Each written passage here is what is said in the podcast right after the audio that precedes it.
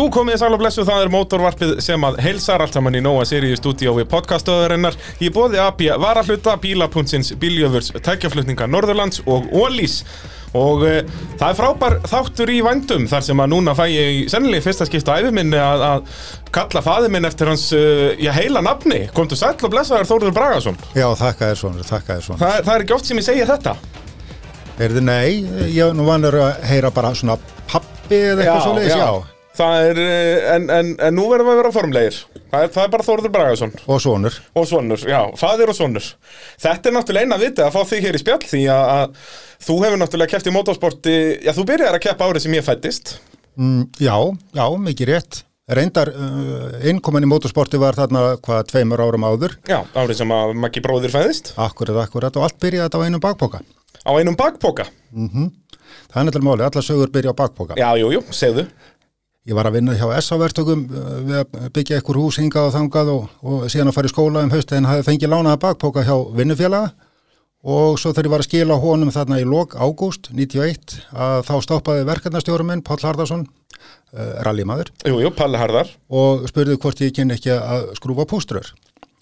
Nú ég er þeirra gerðar, ég tel mig alltaf geta allt, þannig að ég sagði bara já við því 1, 2 og 3 og, og hann vísaði mér að fara í tiltekki húsi í Garðabænum og heitta þar mann sem heitir Jóhann Sæmundsson. Fýtn náðingi þar. Jói Sæm. Nú, pústi var lagað en það konu ljósa að það þurfti að laga eitthvað fleira og þessi bíl var ekki eins og ég átti vona því þetta var svona rallybifrið. Já, Þurftum... hvað er þetta þá eskortinn? Já, þetta er eskortinn með BDX-vilinni. Já. Þetta var uh, hörkugræja, þetta er bílinn sem að Ari Vatan kefti á, á sínum tíma í, hva, í bresku mótaröðinni, mann ekki hvað hún hétt þá breska mótaröðin. En, ja, eitthvað sem þetta sem heitir BRC í dag, basically? Já, basically það er eitthvað svo leiðis og þetta er bíl sem var smíðaður á David Sutton sem var á þeim tíma mjög þekktur bílasmiður. Mm -hmm, Sutton Motorsports. Akkurat, akkurat og hann var, ég held mikið mikið þekktari þá heldur en hann er í dag en bílinn var alveg svakalega mikið græja að sjálfsögðu tímaskekkja því að á þessum tíma þá erum við konur með bæði metróin og möstuna sem voru yfirbörða bílar að ég tala nú ekki um Stengri Mingasson sem að gæti unnið alla þó hann væri bara á fægiskoplunni. Já, já, hann var alltaf á sínum Nissan hann bara. E, já, já, algjör undirmáls bíla mörgu leiti. Allavega í þessari samkeppni þó að þetta veri alveg herrikalega flott smíði. Já, það vant alltaf bara framdrefið í þetta. Já, Stengri mig. Já, allir sammála því, allir sammála. En ég skilaði þú... bakbókanum og var sendur í að skrúa bíl og þar Já, en hvernig, hvað, Palli er, er þarna yfirmaðin, hann einhver hérna, fastegna mógull eða, eða hvað þú kallar þetta? Já, verkefni stjóri, verkstjóri og þú ert bara að reysa hús eins og engis í morgundagurinn? Já, það verður eitthvað að gera það Og spyr hann þig bara randomli bara, heyrðu, mikið varstu nú lekkjar hérna við að hella steipu í þetta mót, vilt ekki fara að sjóða pústi á rallybílum mínum? Já, ég held að það sína allir algjört samhengi þarna á milli, allavega þá síndi það sig að það var annars miður þarna ekki langt í burtu sem heitir Jónabi Halldórsson, aldeilis leiðtækur allari og stór skemmtilegur. Já. Hún saga af Jónabi, hann og Birgjum og Guðnarsson voru að keppa held ég munir rétt í þessu rally Reykjavík þarna 91. 91 og eftir fyrstu leiða þá voru þeir búin að keira bílinn algjörlega í döðlu. Við fréttum bara því að, að þeir væri stoppin á miði djúpavatni og væri að leita á afturhásingunni. já, já, við heldum bara áfram og, tókum allt dótið sem við, vor, við vorum í servisinsett fyrir þá og Palla og Vítek en við skildum dótið þeirra bara eftir að vextaðan nýri í Garðabæ og fórum nýri í Reykjavík þar sem var þjónastulja og ekki veit ég hvernig stóðu því en þeir komu skjögrandi þangað og það voru næstum því fjóðu dekkundi bílnum. Já, næstum því. Já, þó þau var ekki endilega í sama postnúmeri sko. Nei, nei, það, en þeir hafa fundið afturhásinguna Fundu hana og bílinn keirði náttúrulega alltaf á, á ská af því hún var svo illa skokkundi bílnum. En já, já, það var einhver stendur að sækja ykkur að vara hluti og bílnum komið í gang og, og, og haldi áfram kjætni en öll þessi kjætni var svo leiðis að þeir keirðu á ská og við vorum einmitt að tala um hvernig myndið en ganga að komast yfir brúna á næfurholtinu? Því það var eina af þessum gömlu brún sem hafa voruð með svo þrönga veggi. Það var ekkert farandi yfir hana á stóri rútu sko. Nei. hvað þá bíl sem að keiri þversum? Er það hefnast? Já, einhvern veginn komast þeir í gegn eða hvort þeir fóru yfir ána, ég veit það ekki En þeir voru ekki að það hafa fyrir því að laga bílinn fyrir næstu kætni og svo þegar þið gýruðu niður á lingdalseginni þá náttúrulega hoppaði drifskaftið úr. Já það er svolítið, ennþá með ramskakka hásingu. Já, já, já, já, já, já, já, verður að vera í því. Já, en uh, góður smiður einhvað síður. Jú, uh, þú náttúrulega byrja ert alveg komið með bíladellu og tækjadellu þarna bara sem krakki í runni. Er það ekki, þú veist, þú kaupir eitthvað mótorhjól og eitthvað bara þegar þú ert að byrja á sjónum og eitthvað Ég, ég hef reyndar aldrei haft bíladælu. Kannski En eitthvað... þú veist eins og hvað, þú keftir eitthvað, þú varst með svona fíat með vélun aftur í það ekki? Jú, jú, jú. Það er bara hvað, þegar þú ert 18 ára eða Já, eitthvað ætli það ekki, manna ekki, fíadagsett nýjandi. Já, Jú, jú, að mörguleiti mjög skemmtilegu bíl, svolítið eins og tekja á veginum og... Og, og þú veist, er þetta bara, þú segist ekki vera með bíladellu? Nei, Það er svo sem við erum bara svipaðir þar, ég tel mig ekki vera með bíladellu, sko, ég hef bara á, á aktus íþróttum. En, en eins og að kaupa sér enn fíat þarna átjónara, var það bara þú, út af að varst á sjónum og áttir alltaf mikið að pening og þurftir reyðunum í eitthvað nei, hann var bara til sölu. Það var bara til sölu. Þetta er náttúrulega við margóft lendi í þessu með því fæðið minna það má náttúrulega ekki hleypa þér inn á interneti þá ertu búin að kaupa þér eitthvað þannig að þú sást þarna fíat til, sölu á bílasölu og keftir hann Já, það er stundum allt og margt til sölu. Já, já, þetta er stór hættulegt Já, það þarf að fyrirbyggja þetta. Þannig að, en þarna var sem betur fer bara ef þú fórst út úr húsi aðstæðast til að kaupa eitthvað þetta eru mun hættulegir í dag með komið internetsins það má ekki líta þér í degna blik og þú ert búin að kaupa 14 báta og ég veit ekki hvað og hvað Ekki 14, ekki ennþá. ekki en þá en ég minna, þú ert alveg komið langleiðina í það. En, en ég held að það lýsi þér best sko eins og þú varst að tala um að, að þú ert bara að vinna við að byggja ykkur hús og eitthvað og síðan ertu fengið í að sjóða púst í rallybíl og þú á sjálfsögðu segir bara já. Uh, eins og með hennan Fiat braust ekki girkassan eins og Fiat þarna 17-18 ára, Jú, fjórun sinnum. fjórum sinnum. Og þá bara hugsaðir þú, heyrðu já, ég verð bara að gera við þetta. Já, Það, þetta er til dæmis ekki, sko, mín kynnslóð, kannski sérstaklega kynnslóðin yngri en ég, myndi ekki taka þetta mál. Ef myndi brotna girkassan í bílum okkar þegar við erum 17 ára, þá þarf að fara á vestæði og borga þarna einhverja hundruðu þúsundu fyrir það. ég er bara allt og allt og nýskur til þess. Já. En þú veist, þetta er, þú, þú veist, og, þú ert mikið fyrir þetta. Ef það kemur vandamál, þá bara reddar þessu. Mm, já, einhvern veginn hljóta að vera til lausnir á þessu og ef ekkur getur þetta, ekkur get ég það þá ekki. Já, nákvæmlega. Og já, ég veit ekki, mér finnst rosalega gaman að læra og stúdera nýja hluti. Og mér finnst líka alveg rosalega gaman eins og til dæmis með bíla að- stúdera, ég hef eh, einna helst pælt í hjólabúnaði. Já, og ef það er eitthvað í bílum sem ég hef mikinn áhuga á, þá er það hjólabúnaður. já, svona fjöruna pælingar og þetta. Já, og hvernig hjólinn haga sér eftir í hverju þau eru stödd í föðurinn og ferli og, Já, en uh, bílinn sem bíl að, og útlit, það er ekki, ekki myndibóli. já nema þegar kemur að SAP bifrið þeim að sjálfsögðu. Það er eftir náttúrulega að tala um listaverk, ekki bíla. Það er, sko, hvað hefur átt marga SAP á fæði minn? Mm, já, Hefur ekki, þetta eru rúmlega tíu, eða ekki? Eða voru þetta akkurat tíu? mm, já, ég veit það ekki. Þetta var eitthvað í kringum tíu Jú, öruglega eitthvað tíma átti ég tíu en ekki á sama tíma. Nei, ekki á saman tíma, en, en sem sagt, þú, ert, þú ert mikill sap maður Mm, já, En þú hefur ekki átt sap í 30 ára eða eitthvað nei, uh, svona smekkurinn breytist. Mér fannst alltaf rosalega gaman að keira sapin. Hann hagaði sér alltaf öðru sér heldur en aðri bílar sem ég hefði keirt og ég held að framdrifið það var spila stóra rullu þar. En það var líka það hvað hann var segur í snjó. Já, Því að hann hafði þessa skemmtilegu eiginleika á mölinni sem var náttúrulega mjög nöðsynlegt á malavegunum já fyrir þú ert náttúrulega fyrir vestan bara Já, já. En svo líka þetta komast áfram í snjó.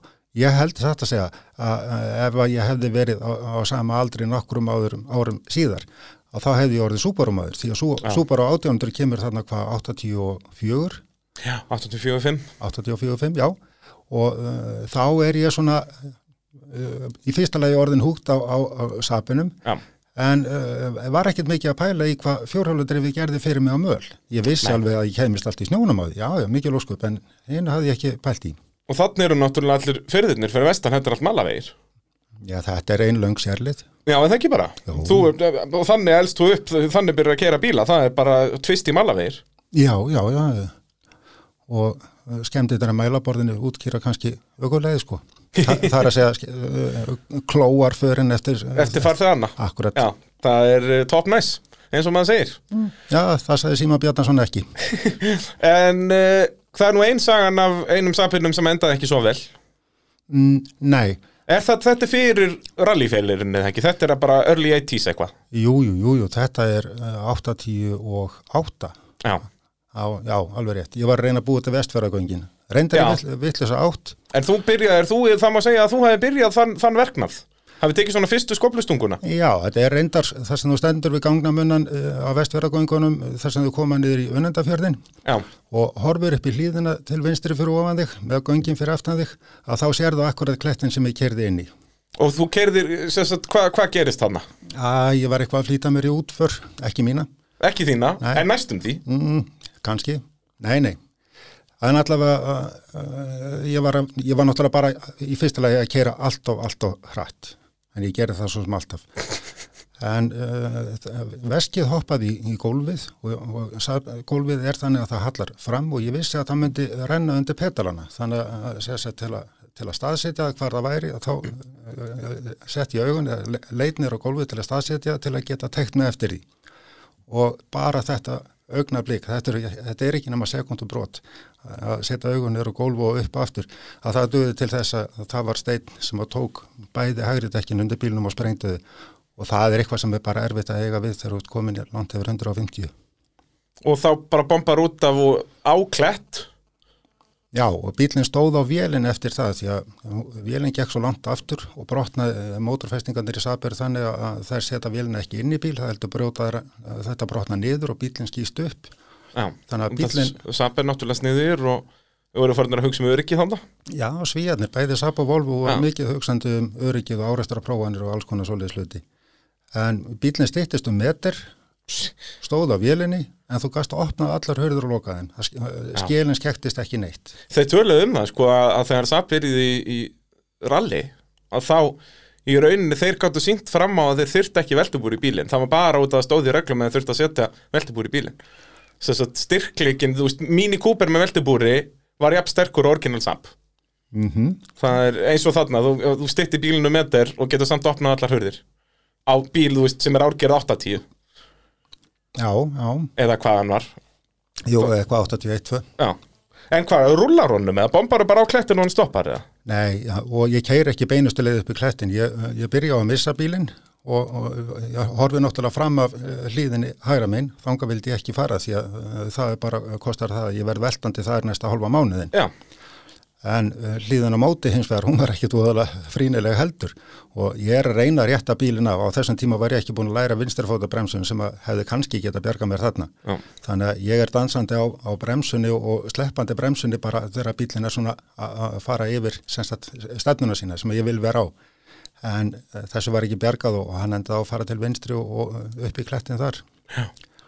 Endast eitthvað og skemmtist eitthvað aftan líka en aðalega framann. En hvað, síðan bara opnar hurðina og röltir út eða? Já, Ekki vandamálið? nei. Þetta er náttúrulega, þú er, þetta er allt of riski business hann, út af því að ef þetta hefði farið verð, það væri ekki neitt mótavarp í dag. Þetta er aðalega. Þá hefði steindreipist og ég hefði aldrei fæðist. Já, Hvað ætti fólkið að gera þá? þetta segir okkur að keira valega. Já, nákvæmlega. Sko þú, ef þú værir sko 17 ári í dag að fá bílpróf, þá varir löngu steindöður út af bara þetta að þú ert að leita veskinu þínu og missir einbyttingu á 150, þá varir náttúrulega alltaf í símanum. Þú varir að senda miljón messenger skilabóð og eitthvað þannig að þú varir, þú varir sléttuður. Það má vera. Það, það, það er svolítið svo leiðis.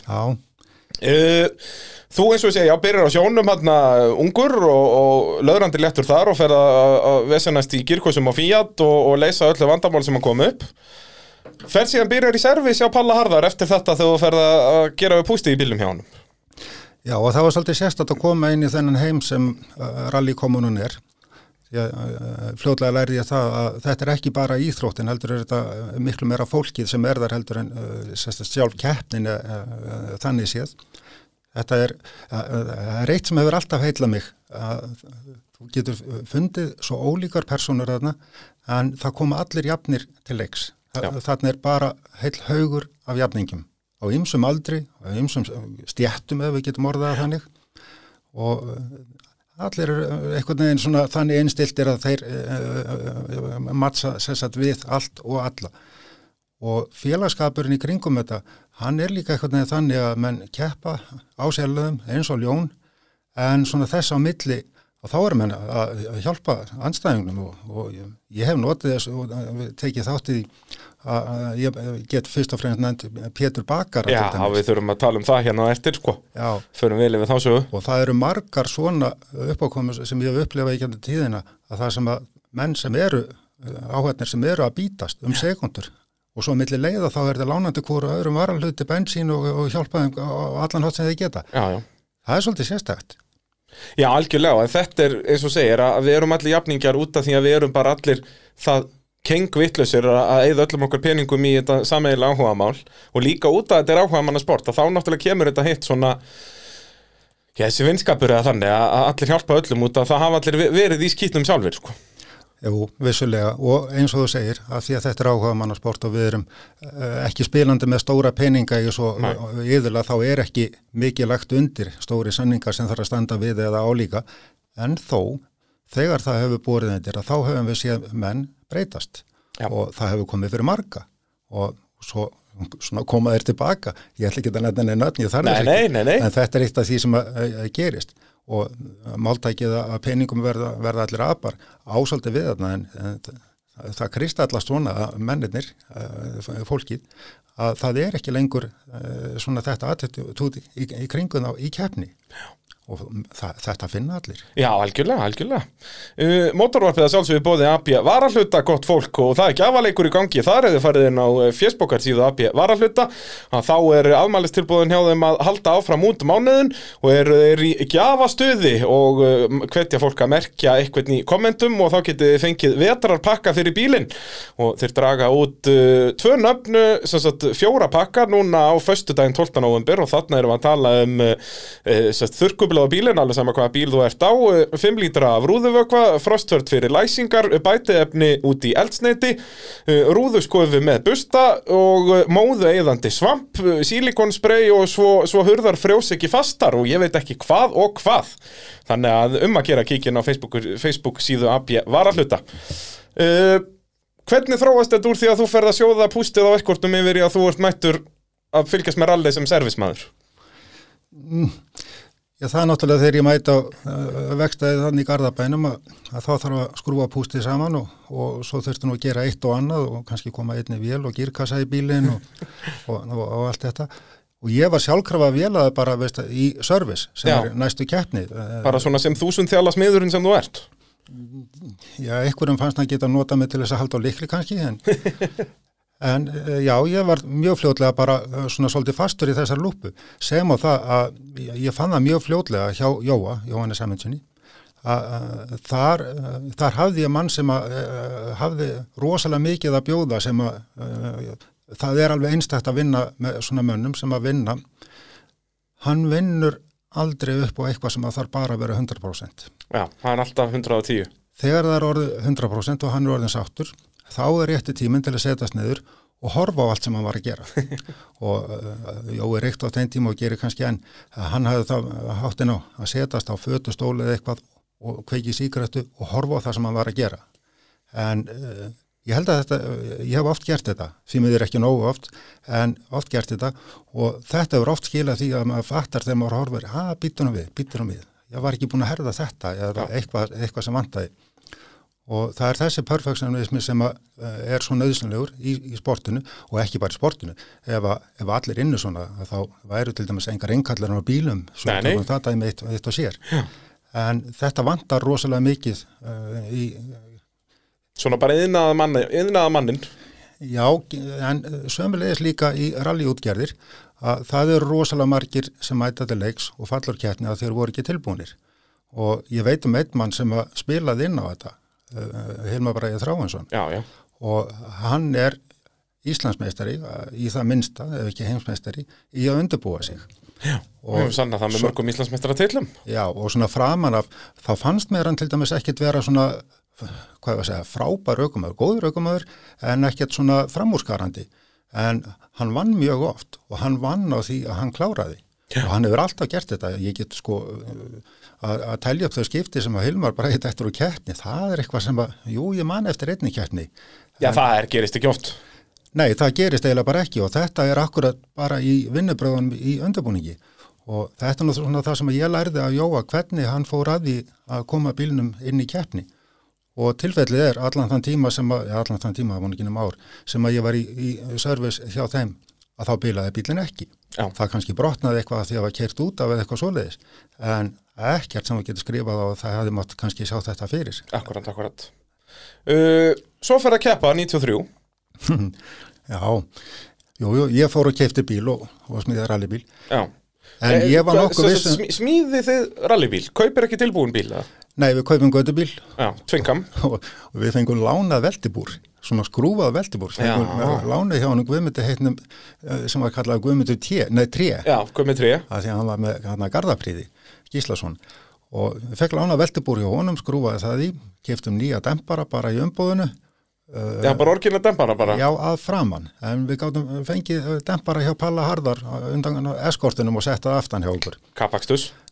Og það var snikkuð einhver hlífðapanna undir hann, þetta var svona alltaf eitthvað í áttina náttúrulega framtemparlarnir þeir endust ekki neitt og ég manna á einhverju uh, hoppu skoppun á hvað Ísólskóla, að þá meira sér að skoppaði speigillan og lottinu bara brotnaði niður En hvað, þe- þetta er þú og Jói Sæm að keppa þarna? Jó, en ég var svo smeykur við sjálfa mig, ég var nokkuð viss um það að ég myndi byrja því að keira allt í klessu í fyrstu beigju, þannig ákveðum að skipta sætum og hann myndi keira Já, svo þetta myndi gendi svo Sabin. Já, ég held að það hefði setið í mig líka sko. Já, það. Já, ég hef trú á því. En það gerist það hvað bara fimm árum fyrr. Já, eitthvað svo leiðis. En allavega, ég held að þetta hafi verið mjög sniðut, því að ég lærði það mjög fljótlega að keppa í rally. Er ekki spurningin um að keira alveg rosalega flott þessum og stökkva og, nei, þú þarfst að hugsa um að klára. Og þú þarft bara að hugsa um að fara hratt á milli staða, ekki flott og það er uh, rosalega margt sem að er uh, ólíkt því sem að við höldum Algjörlega. í, í, rallakstri og eins og hugsunum um línur veist, að þú ert að koma inn í einhverjar siksak beigur og hvernig ætlar að fara í þær, hvar ætlar að vera að minnstarhaðin í gegnum, veist, er það eitt staður eða tveir staður og það þarf alltaf að pæla í því fyrirfram að, þú ætlar ekkert að gera árás í þessari beigju hér vegna þess að kannski næsta beigja á eftir sem er eftir kannski örfáa metra að það er beigja sem þú þarf að vera alveg 100% rétt staðsettur því að þar skiptur öllu máli að þú sért, segjum 8-10 en ekki komin er í 75 eða 70 því að svo ertu kannski með beina kapla fyrir fram að þú ert að fara að tapa feitt þar Nákvæmlega, nákvæmlega. Þannig að þú byrjar, ertu þá allt síðan 93 sem kóari með Jóa á tvinkaminu. nei, ég man ekki hvort við fórum eina eða tvær Já. það var eitthvað lítið Síðan var En hvað, þetta er frægur tvinkam eða verður það? Heyrðu, jú, heldur betur því að þetta er sá bíl sem er sjálfsagt einna langlífastur í íslenskur í motorsportsögu og ég sel Rúnari Ólafsinni bílinn þarna uh, síðsumast eða haustið uh, 93. 93 Hann keppi 94. í þá nýjum Nordek flokk Já, Og- og... þið sem sagt eru að keppa þarna á tvinkam sem sagt áður en að Nordek-flokkurinn var til í rauninni. Jú, mikið rétt, Já, hann byrjar 94 já, og, og Rúnar verður meistar á þessum bíl, já selur hirtan. sem verður meistar á þessum bíl. Og svo er þetta bara í gegnum árin þá er þessi bíl ennþá til og þeir bíljöfurs feðgar, feðgar eigan í dag það ekki? Já, við getum með góðri sko sagt að þetta sé sami bílinn þó að sé nú búið að skipta um ímislegt í honum Já, var ekki skipt um skil eftir krassiðan í Holmavík?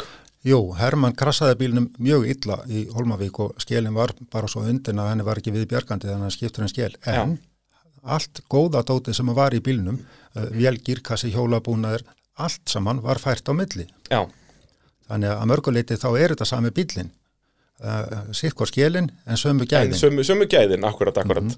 uh, hvað tekur svo við eftir þessar nokkra keppnir og tvingamanda sem kóari? Ferðu þá yfir í rallycross, hvað gerur þú næst? Nei, rallycrossi kom nú eitthvað setna eða mannrétt. Ég keipti eskort uh, á hannu þrestu þarna upp á Skaga, Hagranesi. Já, Þarna bíl sem var með númerið E EK 250 ok, og mér fannst alltaf mjög rætt reyndar EK 250, já. hip og cool. En eh, það var ágættis bíl, hann var með mjög skemmtilegan gírkassa, uh, það var eitthvað búið að eiga við bremsur og, og það var uh, Ford Pinto vél í honum Nú, og einhverju sjóð heitir Ásar. Ég held að þetta hafi verið bíl sem átti alveg að geta gert eitthvað, en eitthvað var búið að fykta í vélinni þannig að það var alltaf rosalega erfitt að koma í gang þegar hann var heitur já, og ég man eftir því þegar við Jói vorum að keppa á honum og ég held að Jói hafi verið að keira þá á söðokróki þá uh, þurftum við alltaf að láta ít okkur í gang því að bílinn einfallega vildi ekki starta.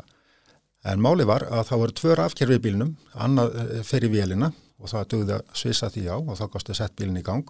Og svo var annað til að kveikja á allu hinnu veist, eins og Ljósin ljó- og- ljósin, rúðu, þurrkurnar og, og, og, og svo leiðis Nú, fyrir síðustu leið á króknum að þá komum við bílnum ekki í gang og, og svissum af þegar við vorum að verða rámaslausir og fáum ykkur að líta okkur og förum inn á leiðinu. Og þetta gekk alveg ágætlega uh, lengst af nema föttum það fljótlega að það voru bara enga rúðuturkur og kveiktum ekkert á perunni, það var ekki búið að kveikja á rafkerfinu. á rafkerfinu með tvö Já, Já. og svo þegar við liðið á leiðina þá kom ykkur drullu sko etta yfir, yfir bílun og ég sá ekki neitt út. Já. Ég sá bara svartan vekk fyrir fram. Jó, ég sá ykkur smá týru út þarna.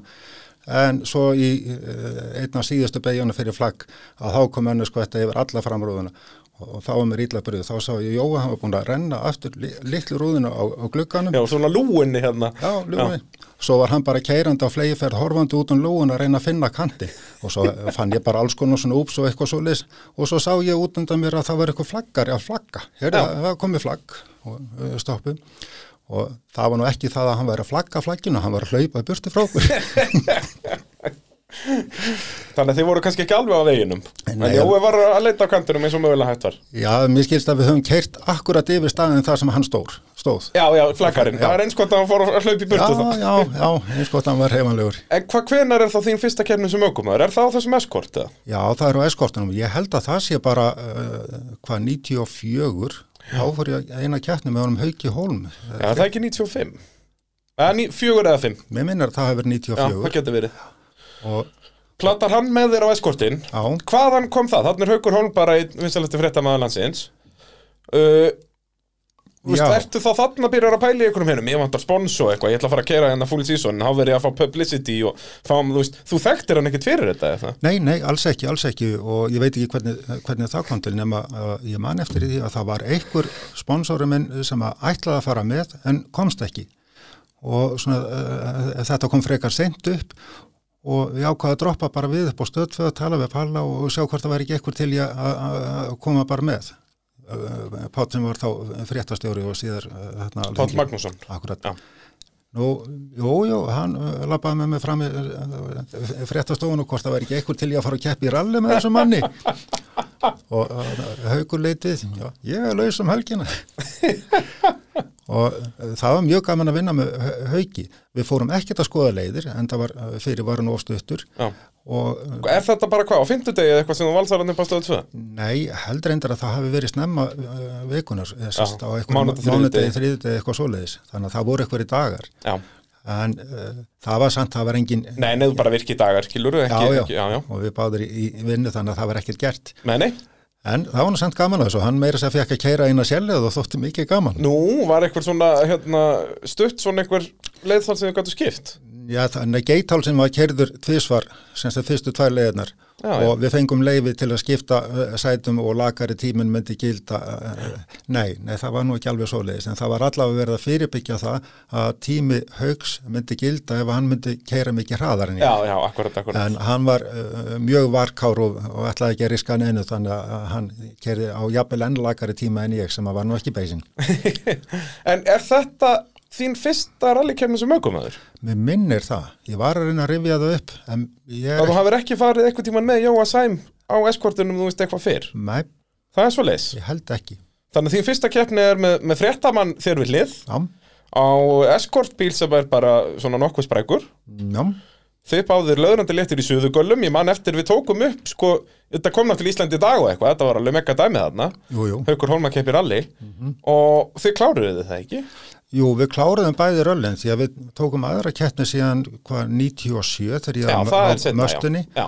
og það kom upp á svipaðan hátt að, að ég var með aðstöðurökum sem ætlaði að koma með en uh, komst svo ekki Já. og uh, það kom alveg upp með þokkalum fyrirvara þannig að já, ég fekk þessu hugmynd að það veri kannski ráð bara að banka upp á hauki. Já, Hauki, þá er náttúrulega allavega þekktuðu hvern annan sem er, sem er ákveðin pluss já, já, já, já. Og, Og Haukur Hókinar einslu í rallekstri já, og mesta fyrða sko, uh, já, það er nokkuð ljóst að vera fréttamöður, það krefst þess að þú sért mjög fljótur að pikka upp allt úr umhverfinu og læra mjög hratt til dæmis bara til að geta tekið viðtal við eitthvað sem er að gera eitthvað sem þú hefur ekki hugmyndum Jep. þá, þá þarftu strax að fá hugmyndum það. Og að lesa nótur fyrir hann það var ekkert vandamál. Það- það þurfti þetta einstaka að- sinnum að spurja hvað er þetta hérna, strik, Já, að spurja upp og- eitthvað, já, já en annars var þetta bara ekkert vandamál og hanga inn í nótum. Það, það var ekki vandamál fyrir honum. Það er, ég get sett nákvæmlega saman með Einar Örn Jónsson sem ég fór með þarna í, í Háltaral já, að það bara ég var ekki verið með betri aðstofur og koman, sem sagt, hvað var það að lesa leðanútur Nei, þetta er eitthvað með aðtegliskáfuna ég finn þetta Já. sama hjá koninni, Malin Brand að uh, hún hefur þetta element að ef að nótunar eru réttar og hægt að fylgja þeim, þá fylgjur þeim, Já. alveg 110 og þetta er eitthvað með aðtegliskáin að gera. Já, alveg 100%. Uh, þannig að þið farið þarna á eskortnum, er í Ísland í dag og, og svaka hugulegt. Uh, hvað, þetta er 94-5, Fjögur, já, fjögur, eitthvað svo leiðis. Uh, hvað er þá næst þér? Ferði ekki á okkur möstu í rallycross og eitthvað? jú, með minnir að Mastan hafi komið næst. Kaupin, Hrygglan góða. akkurat, Sem, akkurat. þú veist að þetta geða bifrið ef hún- er kölluð Hrygglan. Já, það var nú reyndar ég sem gaf henni nafnið reglana því að uh, ég, ég skildi aldrei í því hvernig þessi bíl gati yfir höfu keirt. það, það var náttúrulega búið að breyta öllu, öllu í þessum bíl. Hvaða bíl er þetta? Ma, þetta Mazda 323, eitthvað sem, að, 84. sem sagt var búið að breyta í rallycross bíl þegar þú kaupir? Já, já, og ég kaupa hans sem rallycross bíl. En það var samt uh, sko búið að eiga heilan helling við vélina, búið að hækka þjöppuna einhver ósköp og ég veit ekki hvað var ekki búið að gera. Enda var bílinn alveg þokkalega sprækur. og góð með, með tvíburaturna í, í húndið Já, það kom nú bara til að því að ég fekk gefins einhverja dempara sem voru allt og langir þannig að ég smíðaði bara turnana til að passa utan að þessa. Það var ekkit grín að kaupa al almennilega fjöðrun á þenn tíma. ég segi það, þannig að þú voru að vinna með það sem þú hefur Akkurat, akkurat. Jafnvel þó að það kostaði það að ég þyrst að smíða tvíbara turna og hútið á bílnum hjá mér. Já. Þá bara ger ég það. verður ykkur að vera í því Ég, ég, ég án eitthvað tíma byggt hús. nákvæmlega, að lengja demparaturna það er nú bara auðveldur um mánudags morgun Já, ég held að það hefði einmitt verið öfildum ánöndas morgun að gera það. já, Það var allir erfiðar að horfa upp á, uppliti á fólki sem kom að sá þetta. en hvað, þú keppir, byrjar að keppir rallycross á þessara möstu, það ekki Jú, og það er þín, eh, sem sagt, fyrsta tilurinn í rallycrossi Já, reyndar, eh, þegar ég hugsa út í það, þá held ég að ég hafi byrjað á því að fara á eskortunum EK250 og ég tók eina keppni á honum á veldónum. já, Og eins og maður gerir mm, já, ég held satt að segja að það sé eina skipti sem að ég hef veld bíl í, í keppni. Ég held það. Svona fljótu bræði allavega. já, í allavega fólksbíl, þú náttúrulega hefur kepptið torfæri Já, það er náttúrulega nöðsynlegt að velta þeim. já, Það veit enginn hvað snýr upp og niður þeim þannig að það er ég ekki segja það, það er enginn að velta sér upp úr því. Nei, en í rallycrossinu á möstunni hins vegar að þar átti ég einhverja allskemmtilegusli rimmu sem ég hef nokkuð tíma og þetta er besta augnabliki þjá mér í, í íslensku bara í motorsporti á, á, á, á æfinni sko. ok, og það var þegar við Jón Björn Hjálmarsson eða mann rétt hann hétt hann dó nú bara fyrir hvað tveimur árum síðan, einu tveimur árum Já. að hann var á Saab 900 og við keirðum samhliða, samsíða uh, hvað einhvern einn og hálfan ring og vorum bara að nuttast allan tíman að reyna að koma á undan og einhvern veginn uh, þá hjekk þetta svona, í rúman ring þá keirðum við uh, utan okkur öðrum. Þá getur hann gafst upp á og svo ítti mér út í eitthvað steinvegg og, og, og, og það endaði æfi möstunar svona eins og hún leit út þá. Já, eftir það þá var skiptum framenda á henni og þá fór ég mitt og, og breytti henni sem sagt í rallybíl. Já, það var til skráning á henni og settum hérna tvíbaraturtana og hútið á henni og já, það er fyrir rally þannig, þá færðu þér lengri fjöðrun smíða tvíbaraturna hver málaði þá, bifrið? það var hann litríkur Eiríkur og það, það var hans val hvernig bílinn er þá litin. Já, og, og ég skal kannski byrja að útskýra hvernig þessi litur var áður en að þú segir hvernig þetta kom til. Þetta er svona bleik, dökk, fjólublátt blandað við einhvers konar eh, gubb úr, eh, einsáls sparni og sanserað í drastl. Já, ég held að þetta sé akkurat litanúmerið Já, eða ekki? Jú. Og hvernig, eh, af hverju var bifriðin málið í þessum lit? Nú, ég samþykkt þetta á þeirri forsendu að ég mun sitja inn í bílnum og mun ekki horfa á hann Mm. Auðvitað, og var bara, hann hendi bara í þennan, þennan lit bara til að, að fýblast í þér. Ég veit ekki hvort það var til að fýblast í mér, þetta var ekki eini bílinn sem að málaði þessum lit sko. Það er svo leiðis, þetta var eitthvað litanúmer. Ég, Þetta leit þannig út eins og hann hafi tekið bara alla afgangana úr, úr, úr, úr hérna, barnum, eða svo að já, og bara blandaði því saman og spreitaði á bílinn. já, já, ég held að það er kannski verið eitthvað Já. Ég ætla að myndi ekki ská það Já, það ekki. Jú, jú. Þetta var gullfallegt. Og hvað, þú keppir Nei, einu það var ekki, þetta var ekki gullfalleg Nei, það er vissulega rétt. Keppir, þú keppir einu alþjóðaralli á þessum bíli, það ekki? Já, og við gerðum ein mistök fyrir þetta alþjóðaral Það, Er þetta það hvað alþjóðaralli 95? það geti alveg passað Er því við skiptum um kerti í bílnum og ég fór bara að keipti kerti sem átti að vera í þessum bíl og setti því. fengum bílinn aldrei til að ganga almennilega, hann vildi ekki fara upp á fullan snúning og, og orkaði ekki eins og hann átti að gera. Og ég tengdi það aldrei við kertin, ekki fyrir en eftir rallið. Já, en af því að það kom svo háð þjapa þá þurfti að minka kertabilið og þetta kostaði endalist vesen alla kertina sem var ekkit vest að vesenið því að gólfið í bílnum það var búið að skera svo mikið að því burtu til að létta hann og það var bara eitthvað blikkplata og samskiptinu og henni þau gaf lopnaðist þannig að það pústaði inn í bílinn alveg big time. Dásamlegt. Og við hættum keppni uh, þarna eftir Lingdalseiðina þegar, uh, já, leiði við kóaran Hver var með þér hann? hann Brynjar, það var starfsmæður minn já, í bílabjörgun. Já, og Bílabjörgun sem partasalinn sem þú varst með hann að mikið rétt og ég skal ekki segja að mér hafi liðið vel. Nei, alls ekki, alls ekki. En ég alveg tala að það leiði yfir hann að þá hann fætti að nú er, er rétti tíman að kalla þetta dag. Já, þetta er orðið bara hérna, það þarf að fara að ringja sjúkrabíl bara. Já, já, já, já, nei, hann gæti þetta ekki sko. Nei, það er skiljanlega. Að keppa í, í rallybíl að lesa leðanóttur sem er smekkfullur af pústreik. Mm, Það er ekkert spes. Nei, uh, Hvað gerur 96? Man ekki með 96 Ég að þú gerir ekkert 96 kannski eitthvað í, í uh, rallycrossi. Hvernig kom rallycrossi til? Af hverju byrjar það að vera mestu í rallycrossi?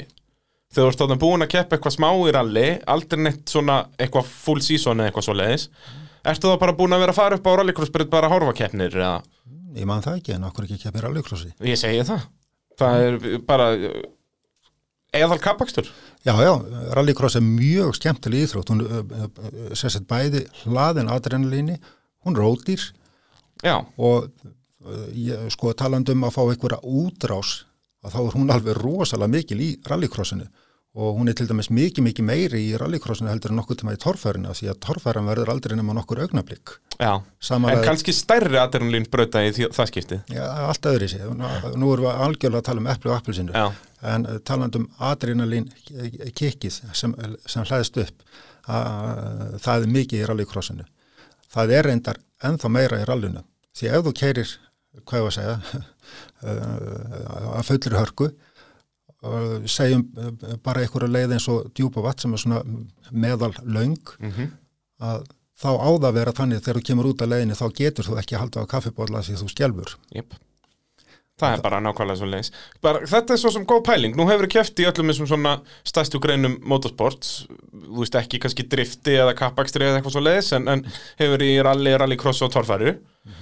Og þú kefti nú aldrei í motocrossi eða snjósliði með eitthvað, en þú hefur svo sem prófað það eitthvað, eða ekki? Já, eitthvað daginn hef ég aldrei verið hrifin af uh, keppnisýþróttum þar sem ég er ekki veldibúri Já, það er góða punktur. og uh, mótorhjólinn, jú, jú, ég hef prófað að vera á mótorhjólu, endurhjólu, krossara og, og, og allt þetta, En hvað er, hvað er toppurinn? Hvað er skemmtilegt á motorsporti? já, allt Er það svo leiðis? Já, Þetta það- er allt bara uh, raunin allt öðruvísi, það er ekki semst, en bara þér persónulega, ég er ekki, ekki pólitíkt svar mm, Ef þú þyrftir að mæta bara í eina keppni á næsta ári og ég myndi gefa þér þrjár miljónir, bara ein keppni, hvað myndir þú skráði í? rallykjarni Já. Og það er kannski að því að það uh, svona harmonir er best uh, við mig. En ég veit að það er líka lítið að því að ég hef- aldrei, hvað var að segja, náðu langt í torfærinni. Já, já, bílarnir sem hefur verið varst þar, á- þeir hafa aldrei verið á þeim stað að ég hafi getið verið að sína klædnar Já, þú gast aldrei notið þín, sko, þetta var alltaf vita, við tölum svo sem betur um það á eftir þegar það er að kemur, sko, en, en, en það var ekki mikið um dýrðir í torfærinni. Nei, nei, þarna vantaði algjörlega þetta sem að Jói reyndi að kenna mér á sínum tíma að setjast niður og horfa á það sem þú varst að gera og reyna að gera það 110%. Já, og líka náttúrulega kannski aðeins meiri auður. Já, já, það er náttúrulega fyrst og fremst fullt af pening. Það er alveg sama hversu lengi þú horfir á AMC-vélina, hún verður ekkert betri. Nei, en þú hefði kannski haft vita á hendinni þú ert búin að horfa Já, á hana. vissulega, þú ert búin að horfa nógu djúvillig lengi á hana Já. og þá fer þetta í ruslið. Akkurat, akkurat. Það er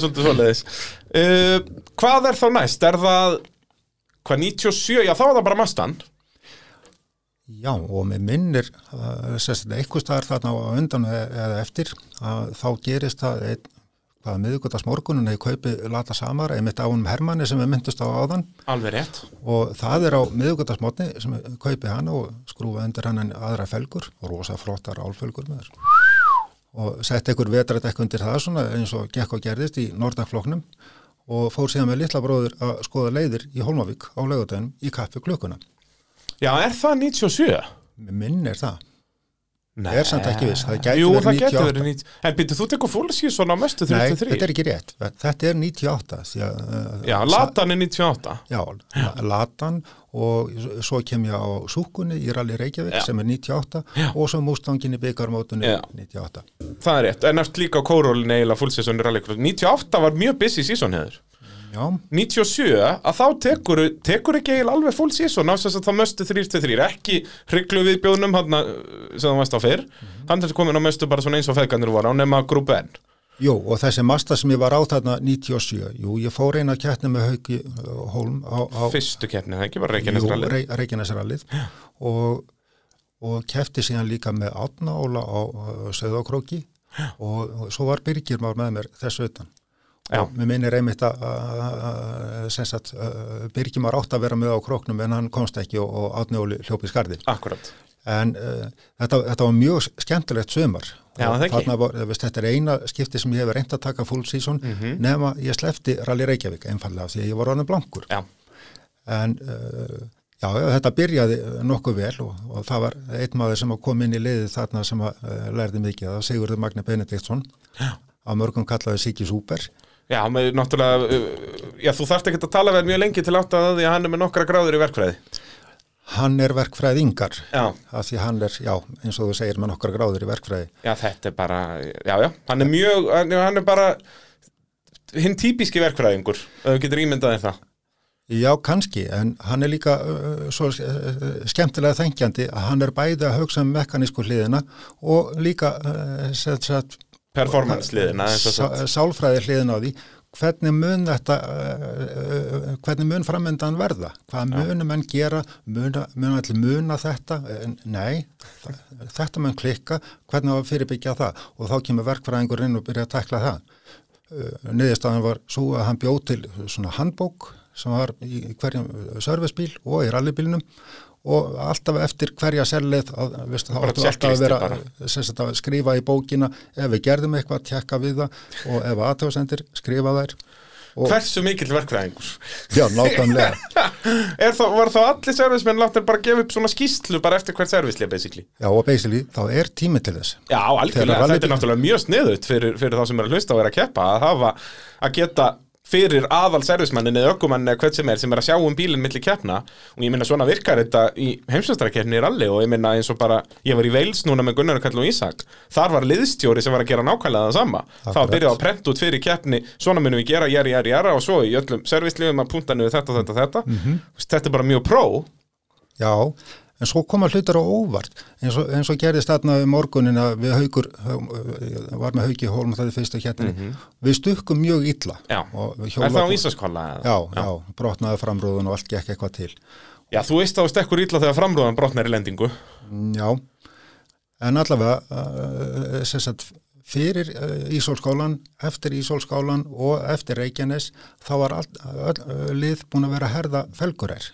Þær voru bara lausar, Já. ok, og, og það pældi engin í því, að því að við vorum með þrjá servicebíla og uh, þetta, það var aldrei tveir sömu mennirnir, nei, að að- að var engin sem að herti tvisvar. Já, En svo þegar Siggi fær bækunar í hátægisliði að þá reykur í þetta, heyrðu hvað, voru þið allir að herða felgurar Býtu, og, og þið líka, býtu, hva, hvað er í gangi?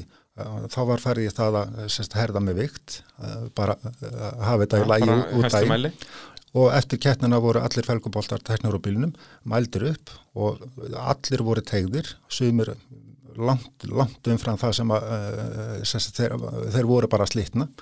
Og við, sjálfsagt vorum við mjög hefnir að missa ekki hjól þarna í stökkinu á Ísaskólanum því að það var svakalegt högg á bílinn. Já, ég meina fórum ekki, ég meina þú veist, bodyið hlýtur að farið á okkur að ferð með að framrúðan brotni.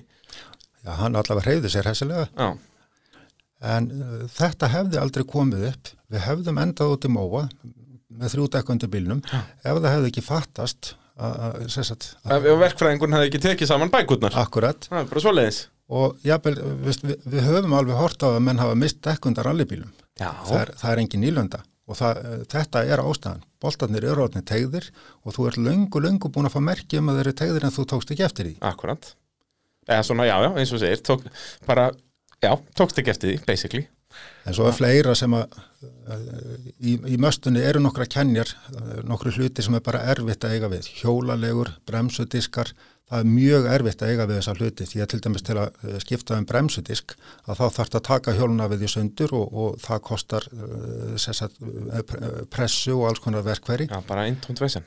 en Siggi var nú búin að takla þetta búin að taka rillustekkin og fara með þau í rennebekk og renna pínu lítið af þeim þannig að það þurfti ekki að pressa þau í bara renna þeim í. Já, og það skipti einhver máli, þetta átti ekki að endast 100.000 km, þetta myndi kannski endast sísónu eða tvö já, sem er allt í lægi já, já. en fyrir vikið þá gott að við tekið þetta sundur eins og við vildum Sem er líkiladri í rallekstri. Já og það síndi sig í næstu kettni á eftir á króknum. Þegar við komum í hátægisli að þá kom einn haus undan bílnum og, sagði að brotin bremsutiskur vinstra framan. Og, og Vítek var einmitt að ganga fram í og Vítek sagði mig frá þessu eitthvað setna þegar hann stoppaði og hann bara svona fattaði ekki alveg strax að svona vinnubröðu væri til hérna heima því að venjan er svo sko veist, það er eitthvað er að þá fara verkfæri og flug og, og menn fara að kalla og rópa og Það er bara panik. Já, það var sko aldrei ekki þarna. Uh, Þessi maður sem var undir bílnum, hann staðsetti sig svona, annars sótti verkværilæði þarna, sótti önnur verkværilæði þarna, ég fór inn í bíl og steg á bremsunni og svo klikk, bara- klakk, klakk, klikk og svo var búið að skipta um bremsudisk. Bara allt samkvæmt blaðsíðu 120 B í, í manuálnum sem, sem hann Siggi var búin að skrifa upp. Veit hann ekki en við vorum búin að ræfa þetta. Já, það er, ná- þú veist, þetta er, það er algjör eða alltaf að hafa svona mann sem listjóra allavega. Já, uh, það er sorglegt að hann skulle ekki hafa ennst uh, í, í sportinu. Hann, uh, þetta er maðurinn sem hefði átt að vera liðstjóri Íslands, Já. sem er rétt eins og Ísa Guðjónsson er aðstóra aukumöður Íslands ef við tökum þann pólinn. Mm. En uh, Sigurður hefur svo mikið að bjóða og vinnubröðin sem hann býður upp á og, og aðri geta lært á honum að þau hefði geta tekið okkur uh, einhvern skreifum lengra. Já, já. Algjörlega. Við erum ennþá á þessum stað þegar eitthvað kemur að þá koma hrópa á köll og verkveri fljúa. Sem er líka, getur alveg virkað, ég minna. Nei, það er bara gaman. Já, ég segi það, góðar sögur fyrir okkur í mótavarpinu. Jú, vissulega, vissulega, en uh, hitt telur meira.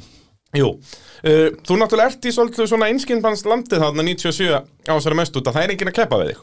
Þú ert Nei. í rauninni bara, þú ert ekki breyk í, í þá Hjörst og Ísak sem eru á Nissanum að Stengrims og, og feðgana á mestunni.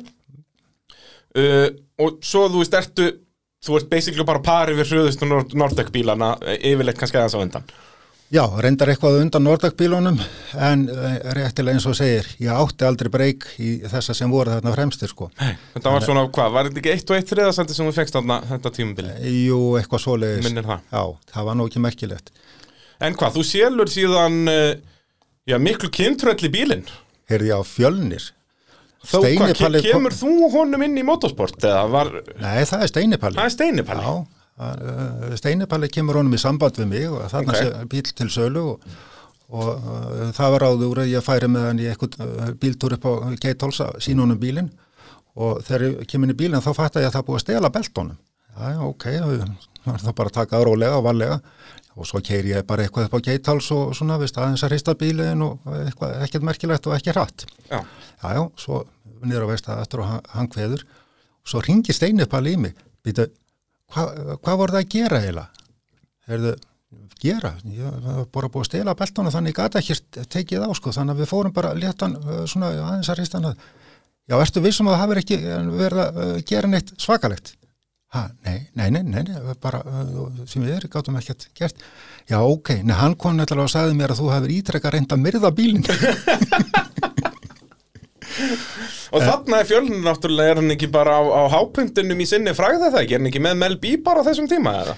Jú, jú, eða hvort að það var nýja á staði, ég man það ekki. Já, en þú veist, hann er alveg bara svona stórt andill á Íslandi hann á þessum tíma Já, já, og hann kemur mjög skemmtilega inn í motorsportið. Já, þá, bara topp gæi já, já, og uh, hann, hann hefur eitt sem að, uh, ekki allir hafa, og það er hlusta og læra.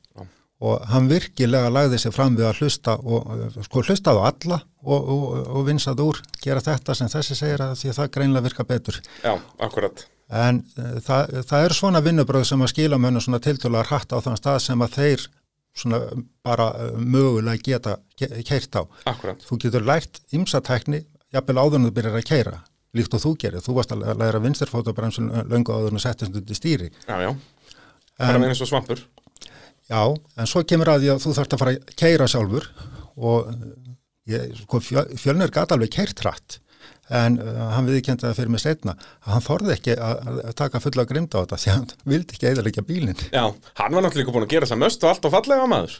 Já, já, Hann var nýsprautað allt og gert og græjað.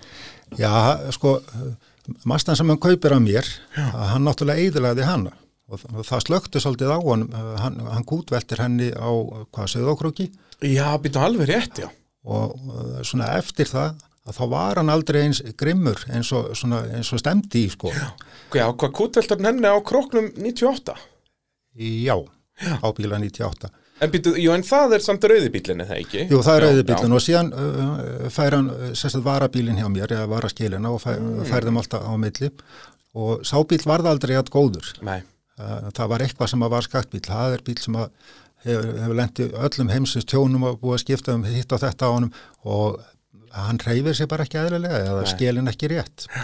En hann kaupir síðan uh, möstuna af Steinapalla já, sem er gamla feðgamastan, hrikalega góðu bíl en þá strax var uh, svona hann frekar að fara að draga sig út úr þessu frekar að fara meira inn í þetta. já, það ekki, hann kefti mjög lítið á þeirra möstu Já, mjög lítið. Eða bara eitthvað, ég mætti hann ekki bara eitt sprett eða eitthvað Ég skal ekki segja, Já, það var bara ekki mikið. neitt, já, það var bara nánast ekki neitt. Já, Uh, Mótorvarpið að sjálfsögðu bóði bíljöfurs uh, um að gera skella sér um smiðveg 34 ef að uh, þú ert í ykkur vandræði með bílinn eða þarft að ég láta undirbúin fyrir skoðun eða, eða hvað það er þetta er eðal alliða bifræðavestæði uh, og sérhafæsi Jeep Dodge og Chrysler og svo er líka kaffi þegar við erum alveg algjör eðal og hægt að fara að ræða við þá, þá feðka hlölla og batta um, um kóróluna sem vorum að tala um hérna áðan geta að fara að segja þeim að þetta er allt honum föðu mínum að þakka Er það ekki svolítið svoleiðis? ég veit ekki, ég veit ekki.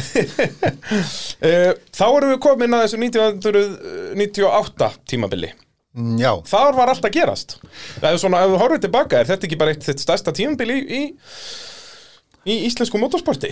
Já, þetta var allavega mjög skemmtilegu tími á mörgu leiti þarna var ég svona meira innstiltur á það að, eða gekk betur að ganga frá hlutunum þannig að þeir voru 110% Já. og uh, þær kettnir sem fór í að þær kláraði og mér, þetta, mér fannst þetta að vera eini tíminn þar sem ég gætt svona sínt klærnar.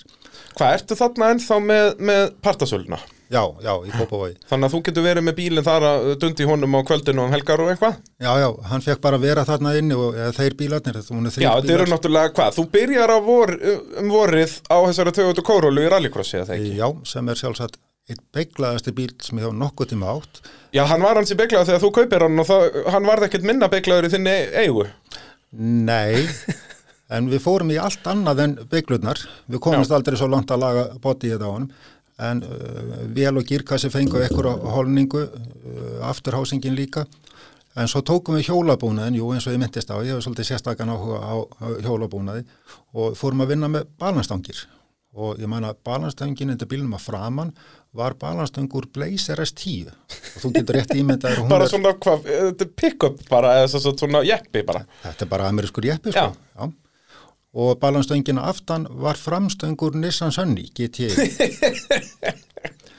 Enda uh, body roll var ekki til í þessum bíl. Nei, það er, þú veist, frægar klippur að frá Bygga Braga, sko, þess að þú ert að koma út úr sérst malarbeginni hliðina ráskaplanum og bíllinn bara svona hoppar og skoppar yfir allt, sko, en eins og við segir, það er ekki til, þetta er bara jafn stíft á Formule 1 bíl. Já, bílinn var reyndar settur upp akkurat fyrir þessa beigju. Því að ég vissi það að þetta er beigjan það sem þú gat græst, grætt mest á að ef þú komst svona fjórum til sex bíllengdum á eftir bíl þarna á meiri ferð þá varstu komin framfyrir en þú fórst uh, hraðar í gegnum þessa beigju. Ef þú náður vinstra megin utan á hann, þá getur Nei, þú farið nei. vona á, inn í hann í, í Malabi, í Móttjúpu. þú bara nálgast hann í þessari beigja. Þú tekur fram úr honum á því að bremsa setna þegar þú kemur inn í, Í beygju. og eftir. Já. En það gerur vegna þess að þú ert að fara mikið hraður á þeim kapla af því þú kemur hraður út af beigjunni. Og enn og aftur komum við að þessu að, að, að, þegar þú ert að hugsa um e, línur og, og, og þess áttar að þá þarft að vita hvar raunverulega þarftu að halda uh, mestarhraða í, til dæmis í beigjusetti uh, vitandi að til dæmis á eftir þessari beigju þarna er langur beitt kapli mm -hmm. allar þá vera að vinna þið frá 75 upp í 95 eða frá 80 upp í 100 Jips. og munurinn á þessu tvennu hann er gríðarlega mikill þegar það er stutt á milli bíla Já, og, og bílarnir svipaðir. Það náttúrulega Kórólan hafði aldrei powerið í, þú veist, þú vannst aldrei startið, sko. Var hann ekki hérna, hvað heitir hann, á Sapparónum? Garðar Þór Nei, þannig er hann búin að selja hann. Það er hann, hérna, Davíð Jón Ríkarsson er á hannum. Já, það getur passað. Garðar er búin að selja Saparón, hann var á honum 97 held ég Já. Ég sett aldrei nýtró á bílinn og átti þess vegna ekki séns á, á, þessum bílum í startinu sko. En þannig er náttúrulega er, sko, er allir stóru kallarnir byrjar að keppa Þannig ertu með himma og fylki og, og fleiri í, krónuflóknum Er ekki Guðni hann þá þarna? Með minn er það? Man ekki, Guðni var náttúrulega ekki í krónuflokknum, hann var í ofurbílaflokknum sko. Nei, nei, Guðni Guðni Úlfars. Já, Jú, það getur vel passað. ég held að hún sé á svona Sest, var orðið, hún var á Nancy lasin hjá henni kóralinn hann Þú menna Guðlakórulan? Já. Já, það getur passað. Áður en málar hann ekki síðan rauða hann árið eftir eða eitthvað 99-2000 eitthvað svoleiðis Ég skal ekki segja. En þetta var allan að hörku keppni og þetta endar á sem sagt að Davíð verður meistari Mm og þú í rauninni tryggir honum titilin, tekur titilin af himma Já, einhvern veginn þannig spilaðist þetta vegna þess að ég lendi á millið þeirra í úslitakeppninni þar sem að himmi þurfti á öðru sætinu að halda. Já, það er gott ef þú varst ekki fyrstur og himmi var á eftir þér og ef himmi hefði komist fram úr þér eða eitthvað svoleiðis, það var allavega að þú þú varst þarna á milli Já, Já, já allavega eðalaði fyrir vinnu mínum og Hilmari titilin í það skiptis. Og, og já, já, það er nú svo sem ekki er til að vera sorgi yfir, ekki, ekki þannig nei, þetta er bara keppni Já, já, það er ekki, það er, það er hans að kera hraðar jú, jú, það er vissulega. En, En þetta var skemmtilegu bíl á mörgu leiti. já, hvað, vel, veldur þessari kóruleiki? Nei, nei, það var ekki hægt. Nú, já, það er svo er alveg rétt, með það Akkurat, akkurat, akkurat, eða settist á vinstra framátnið þá sökk allir bílinn niður. en hann hafði samt alveg rosalega skemmtilega að vissulega þess að takmarka því að hann átti það svo til að missa grip Já. en uh, alveg óbúðslega skemmtilegar og fyrirsjáanlegar reyfingar. Já, já, þetta var eftir svolítið bíl þarna eins og við höfum komist að þér í motovarpinu Var ekki Var ekki Kitti að tala um það að hann kefti hann af þér? Jú, ég held að Kitti hafa kæft hann að mér og loftur síðan að Kitta. Já, Loftur kaupir, og, og Loftur verður síðan meistar á þessum bíl, hann Já, já. 2001, 2002, eitthvað svo leiðis Þá var hann örlítið fallegri, eins og Lofti einum í lagið Já, uh, En þú ert uh, í rallinu þarna líka, 98 já, þarna 98, ég held, já, ég held að það sé mitt 98 þar sem ég kaupi lötuna á miðugudegi og, og fer að keppa með Guðmundur Inga litla bróður á, á rétt. laugadegi. Guðmundur Ingi, þarna er hann bara hvað, 15-16 ára? Hann uh, rétt orðin 15 ára og Elsa líka, hann Sigga Óla. Alveg rétt, þetta var fyrsta kemnin er Elsu Já, á, Þá er kóralinu þeim hvít mm -hmm. og Elsa, já, Elsa mætir hann 15 ára, alveg Já. rétt og, og með Guðmund Inga já, já, þau mæta þarna alveg glæni. Já, Þetta var mjög skemmtileg keppni og, og já, eins og ég segi, við fórum að skoða um leiðir í, í kaffi tíman og, og vorum sko langt í frá að vera í síðasta sæti. Þetta keppar alveg bærilega þegar vel. þú segir það að þá meinar að þið voruð að keppa í keppninni og, og að skoða leiður á sama tíma Mm, Já, það er akkurat svoleiðis. En er þetta eina keppni sem við keppir á þessari lötu?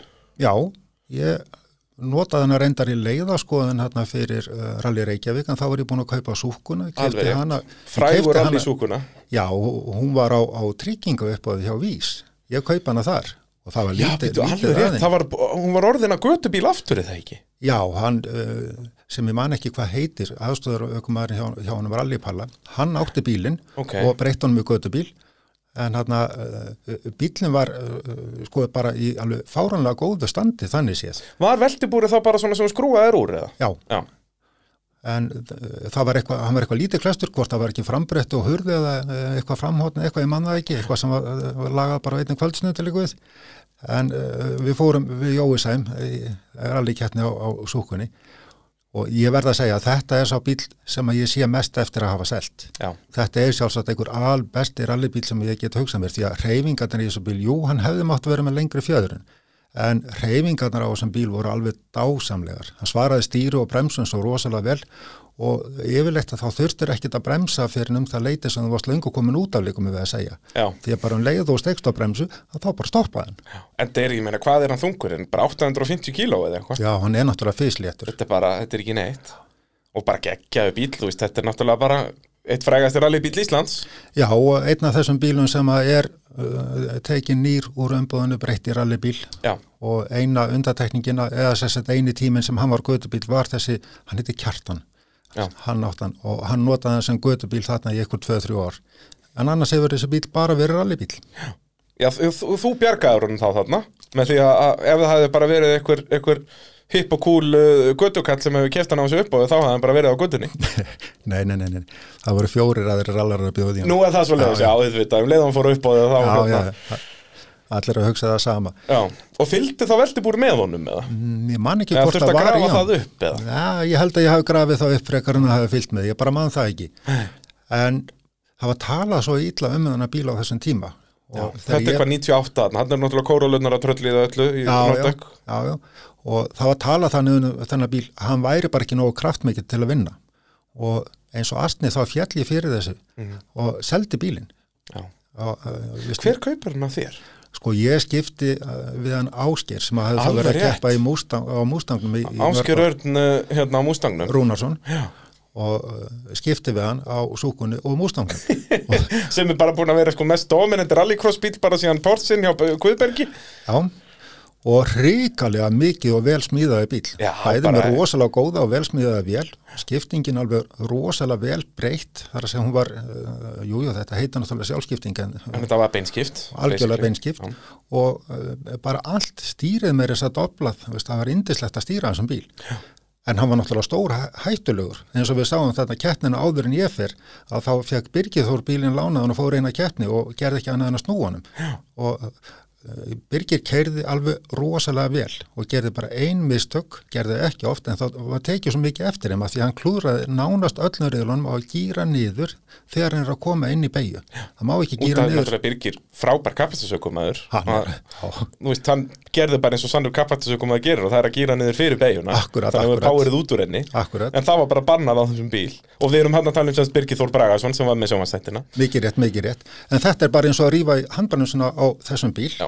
Af því að vélinn, já, hún er það þung og öflug að hún tekur dekkin og veist, hún veit ekki það hvort hún er að bremsa eða svóla. Nei, nei. Það, þetta bara Já, ég meina, hvað þessi slikkar voru líka pingu litlir sem var aftan? Var þetta ekki bara einhverju 14 tómi slikkar eða eitthvað? Um, nei, þeir voru nú voru nú 15 kannski tóma eða mann 15, rétt, eða 16. Og eitthvað smá breyðir, en það, þeir voru svo low profile. Sem sagt, það hefði ekki þurft að setja bara einhverja kvartmílu slikka undir draslið. Ég veit það ekki, ég prófaði að setja stóri slikkana undir og bílinn höndlaði það ekki. Já, ok. Að, og þetta er sama eins og kom fyrir með eskortin sem að hefur oft verið kallað bimbo. Já, turboeskortin að uh, sábíl, hann var miklu betri þegar ég sett hann á minni afturdekk og Já. þetta hefur bara með það að gera hvernig bílinn hallar á veginum bara stansin á honum, sem sagt bara, já. já, sérst að að koma aflinu sérst frá hásingunni getum spytundar og fram í, uh, sett upp í knastás eða sérst þessi uh, lína sem við högstum oft um að hún hún var bara ekki rétt að lifti bílnum um 1-2 cm aftan Já. og allt og eskortin til dæmis bólaði alveg svo brjálaður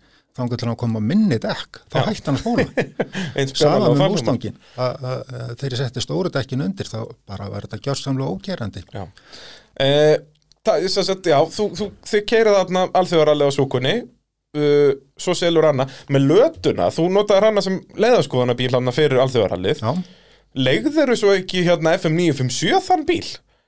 Voru ekki einhverju útvastittir á honum í einhver einni keppnu, bara þröstur 3000 og, og svali og einhverju gæjar? Jú, gott ef ég var ekki einmitt með svala eða honum, byttun og við. Já, Ólafur Ragnar. Nei, það, ég er búin að staðfest þetta var ekki Pétur Jón Var ekki Pétur þarna. Jón? Nei. Ok, en það var einhver álíka sem að Já, það var einhver trúður þarna. Einhverju tveir þarna sem að voru með mér í service og það Já, var bara einhver það sprettræði. já. Já. Já, ég man, ég sá þessa lötu í keppni einhver tíman og það var bara, bara að guppa FM 957 logo um, yfir bílinn. Já, já. Að, hérna, þannig að, en þú hefur þá leikt þeim hann vantanlega frekar en að selja einhverjum með að varst að nota hana og þó nei, þetta geti að vera eftir. Ég bara veit það ekki, ég Nei. bara man það ekki, ekki til að fara með það. Nei, en uh, já, þessi viðskipti með að, að skipta rallysúkunni fyrir Ford Mustang. Já, Að þarna er náttúrulega bara nýkomið sóðasátturinn með, með Birgir Þór að fá Mustangin lánaðan út Áskjör Örn og búin að tryggja sér titilinn. aha, og það gekk ekki neitt fyrir Birgir Þór Bragason sem að ég allir sem að þekkja Birgir vita að hann er mjög fær kapastusökumöður, bæði í rallycrossi og í rally á sínum tíma aha. e, Af hverju óskoparnum vildur þetta bara? Nú í fyrsta lagi þá var náttúrulega Birgir búin að sína hvað má ekki gera. Já, vissulega. Og veist, þetta er svo lítið atriði að hann fattaði þetta á seint, keppnið var búin þegar hann fattaði hvað var að að bara má ekki gýra niður fyrir þú ert búin með beigina, ekki þegar þú ert að koma inn í hana. En svona þessu utan að þá hefur bílinn allt sem þarf til að vinna. Og já, já bara skipti við áskýrt, tók hann á mústang og fór eina byggar Voru þetta bara slett skiptið eða?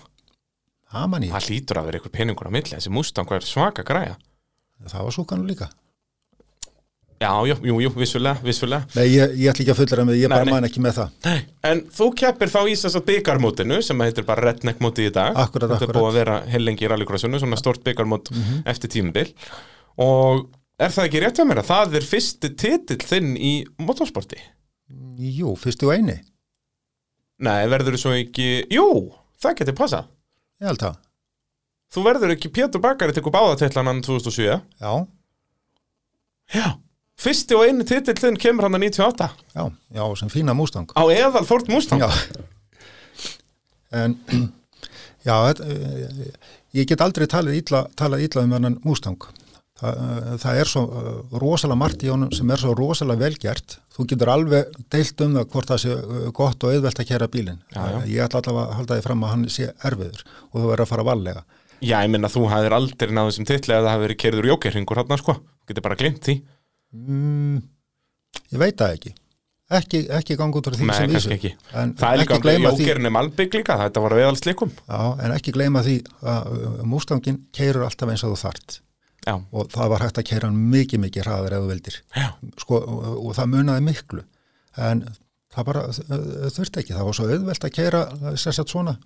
Keirðu bara startið, þú tónið fyrstur, verður línuna, þetta er komið. ég segja það Bara Ok. okay. vera alltaf innan á, þú veist, og mústanginu breiður og bara, já, ekki, ekki missa því í speklunum Ég held satt að segja að það hafi verið mikið skemmtilegra, svona fyrir keppanda, uh, að vera á eftirmústangnum heldur en að vera í mústangnum, af því þar varstu þó virkilega að hafa fyrir því Já. að reyna að gera eitthvað, en á mústangnum þetta var engin fyrir þetta og það var eitthvað sem að, svona pyrraði mig. Já, Þannig að ég seldi bílinn strax þetta keppnin á.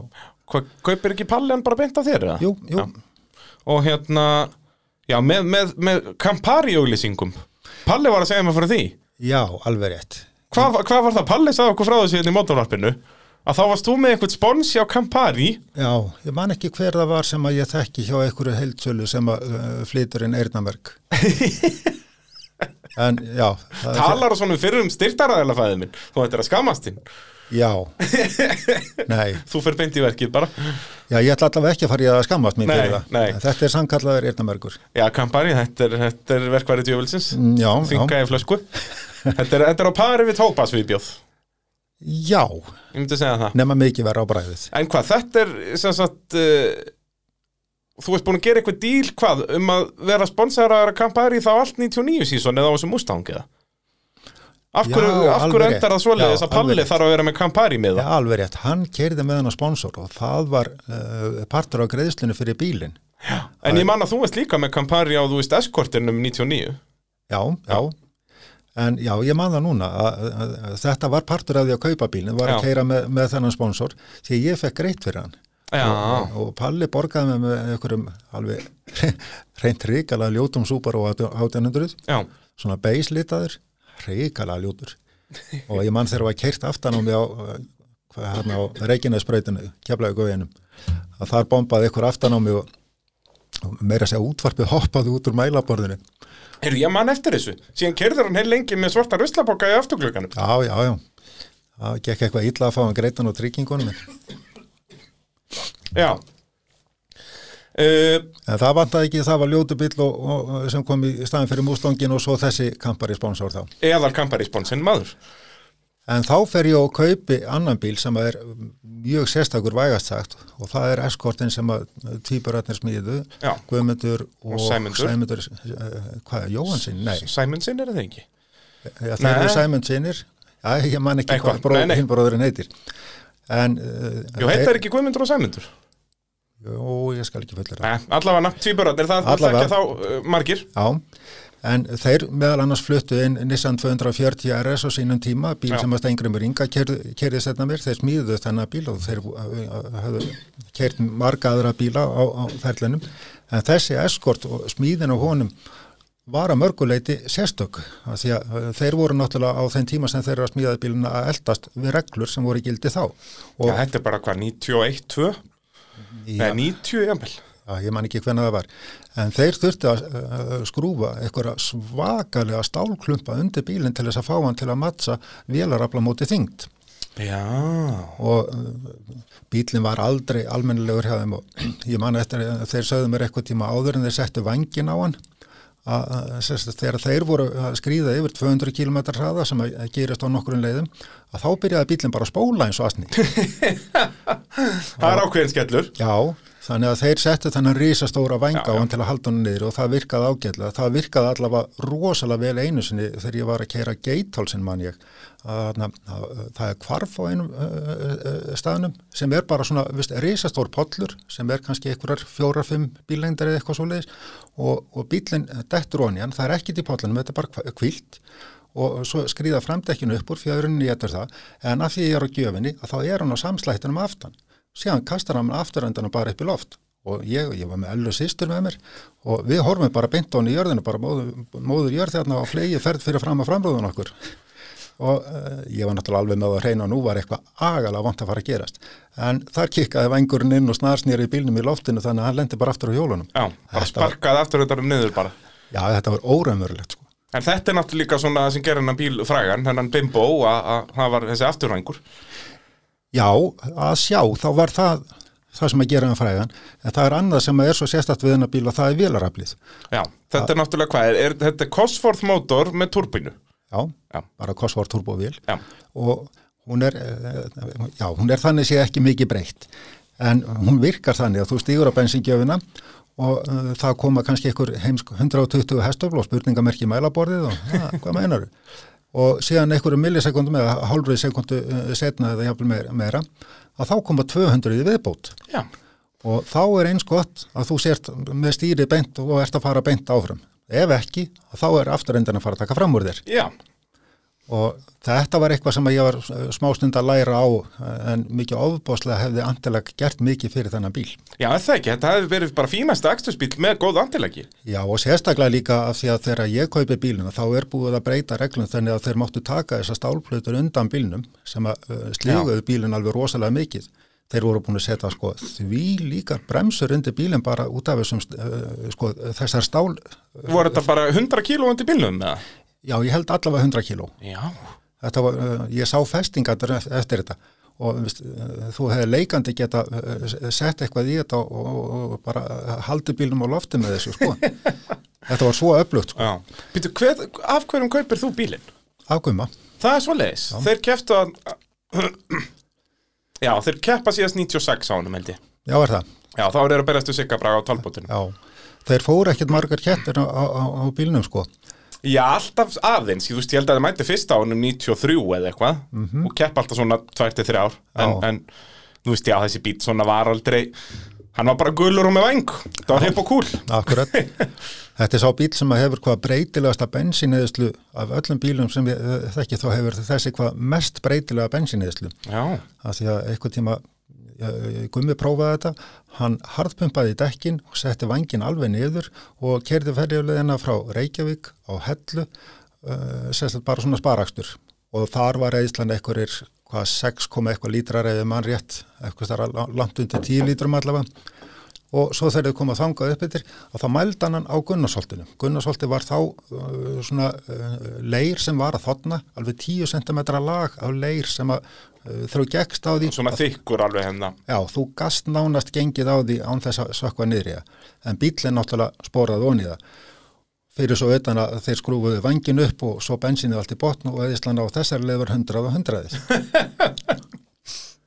Já, það er, en ég meina það hlýtur þessi mótor eitthvað, er þessi mótor þá bara úr síru eða eitthvað svoleiðis? Ég held það, já. Já Og, en ekkert mikið tjúnaður svona, þú veist, síðan kom náttúrulega orginal bara tæp 300 hestum Já, reyndar afturdrifs síðurinnar, þær eru eitthvað sprækari. Já, ok En allavega þá er uh, þessi mótor, hann var allavega eitthvað mikið, mikið meira en 300 hestöfl. Já, það var alveg, en ég var líka helviti gaman að kera þetta apparat eða? Jú, mikil óskup og ég man alltaf eftir í eitthvað tíma þegar við keirðum Tröllháls Uxarhyggi og Steinipalli var þá á möstunni, gamlu feðgamöstunni og, og ræst á undan okkur og þegar við vorum komnir, við, við vorum komnir að meijasæti og þá, eh, sem sagt, er ég búin að ná honum. Já, en, sagt, já það gerur bólabásin með og allir Já, saman. já, alveg rétt, bólabás alveg frá þingvöllum basically. Já, bara frá þingvöllum og upp á, já, akkurat. Og, og bara strax á meijasæti þetta er ekki löng vegalend þetta Nei, nei. er náttúrulega á Malbyggi með alveg hrikalega mikið uh, grip. Á þessum kapla þá náði honum.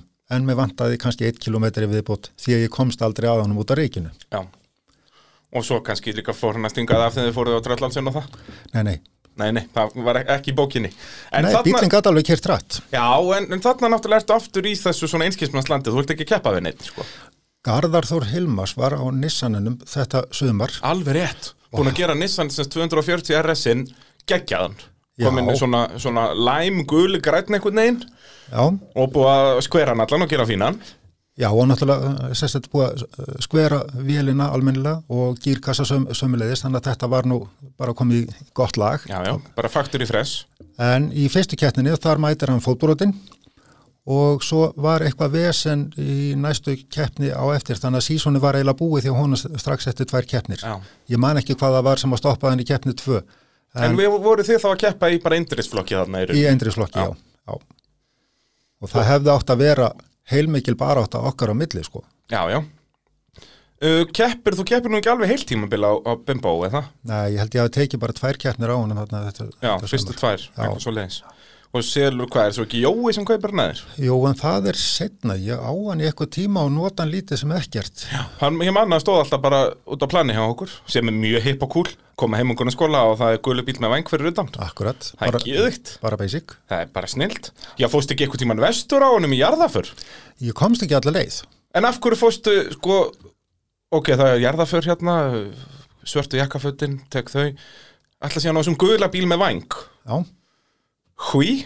Af því að ég hefði getað skilið hann eftir fyrir utan hjá emmu og lappað, lappað inn í kirkju, sko. Já, já, Nei, eh, tilfelli var bara það að bílinn sem að ég var, golfin sem að ég var á þá, að ég, uh, hann var bílaður, ég vissi að ég ætti ekki að reyna að fara honum vestur, sko. þetta er líka bara, er þetta ekki að hausti til eða eitthvað, það er vant færi Eða, þetta var reyndar um hávetur og svo þegar ég kem upp á Stengrinsfjörðar heiði að þá var byrjað að skafa þar þannig að ég var bara eitthvað neina bögglast við að reyna að snúa við og komast tilbaka.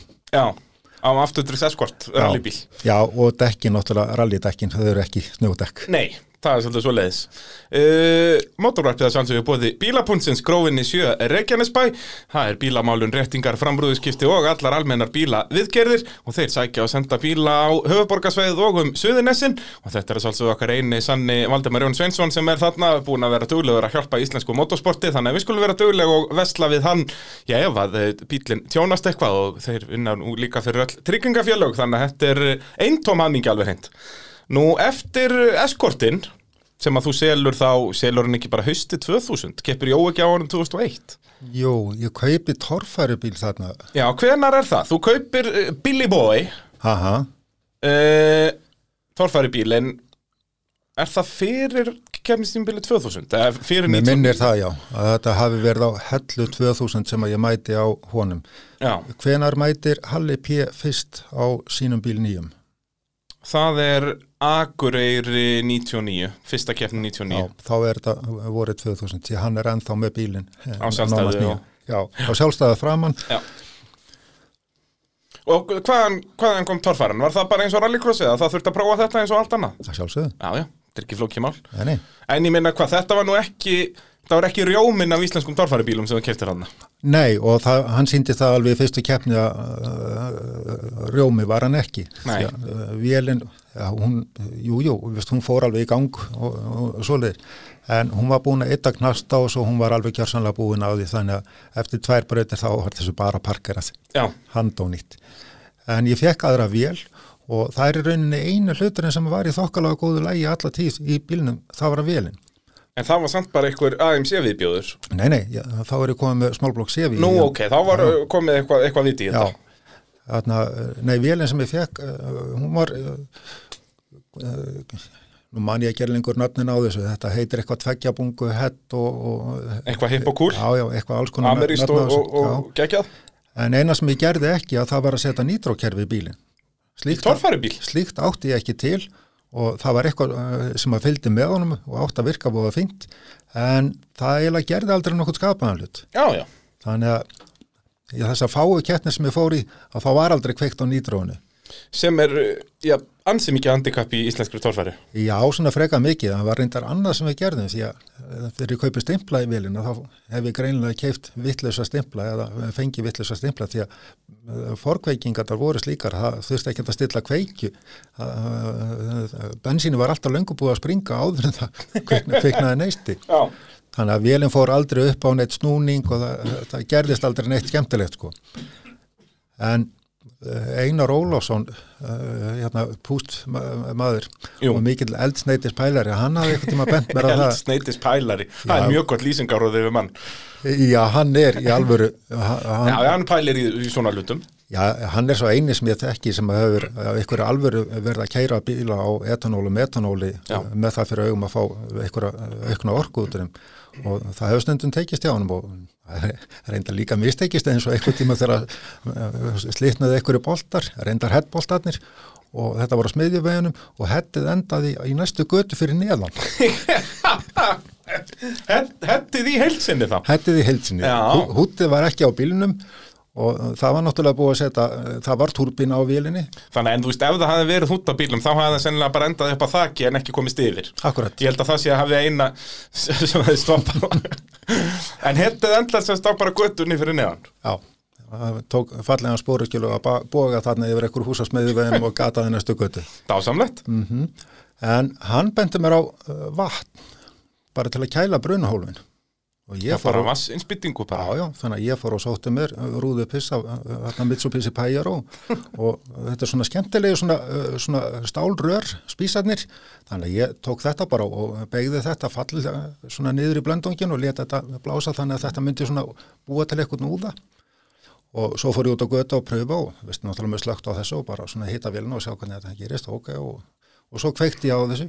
Að þá fór hún upp á eitthvað snúning sem ég hafði aldrei séð áður. Þeitt af sér reymum og allt var brjálað sko. Já, ok, þannig að þetta svinn virkaði eða svona Það er allavega til að sparkja upp á snúning. Þetta virkar. Já, og sem sagt þegar þú ert að keira uh, sagt á uh, hvað við segja, oflári oktantólu ert að díla við forkveikingar út af því að þá er vatnið það eina sem getur bjargaðir jú, það er náttúrulega greitt ennþá meira á því ef þið hefði sett etanól út í það sko. Já, 10% etanól með þessu, bara bing bara búm það hefði verið snilt sko. En hvað, þessi bíl virkaði aldrei aðninu viti? Nei, nei, á hendónitur Og var það þá hvað aðlega skipting og, og þú veist, það var náttúrulega 14 ringir borði í borði í þessu og, og allskinn skemmtilegt. Já, sko, að frátalinni vélinni sem að var orðin ágætt, að þá var hitt ónýtt. Já, já, en í rauninni bara allt hitt. Já, samt ekki Já, meira. e ekkert meira en það.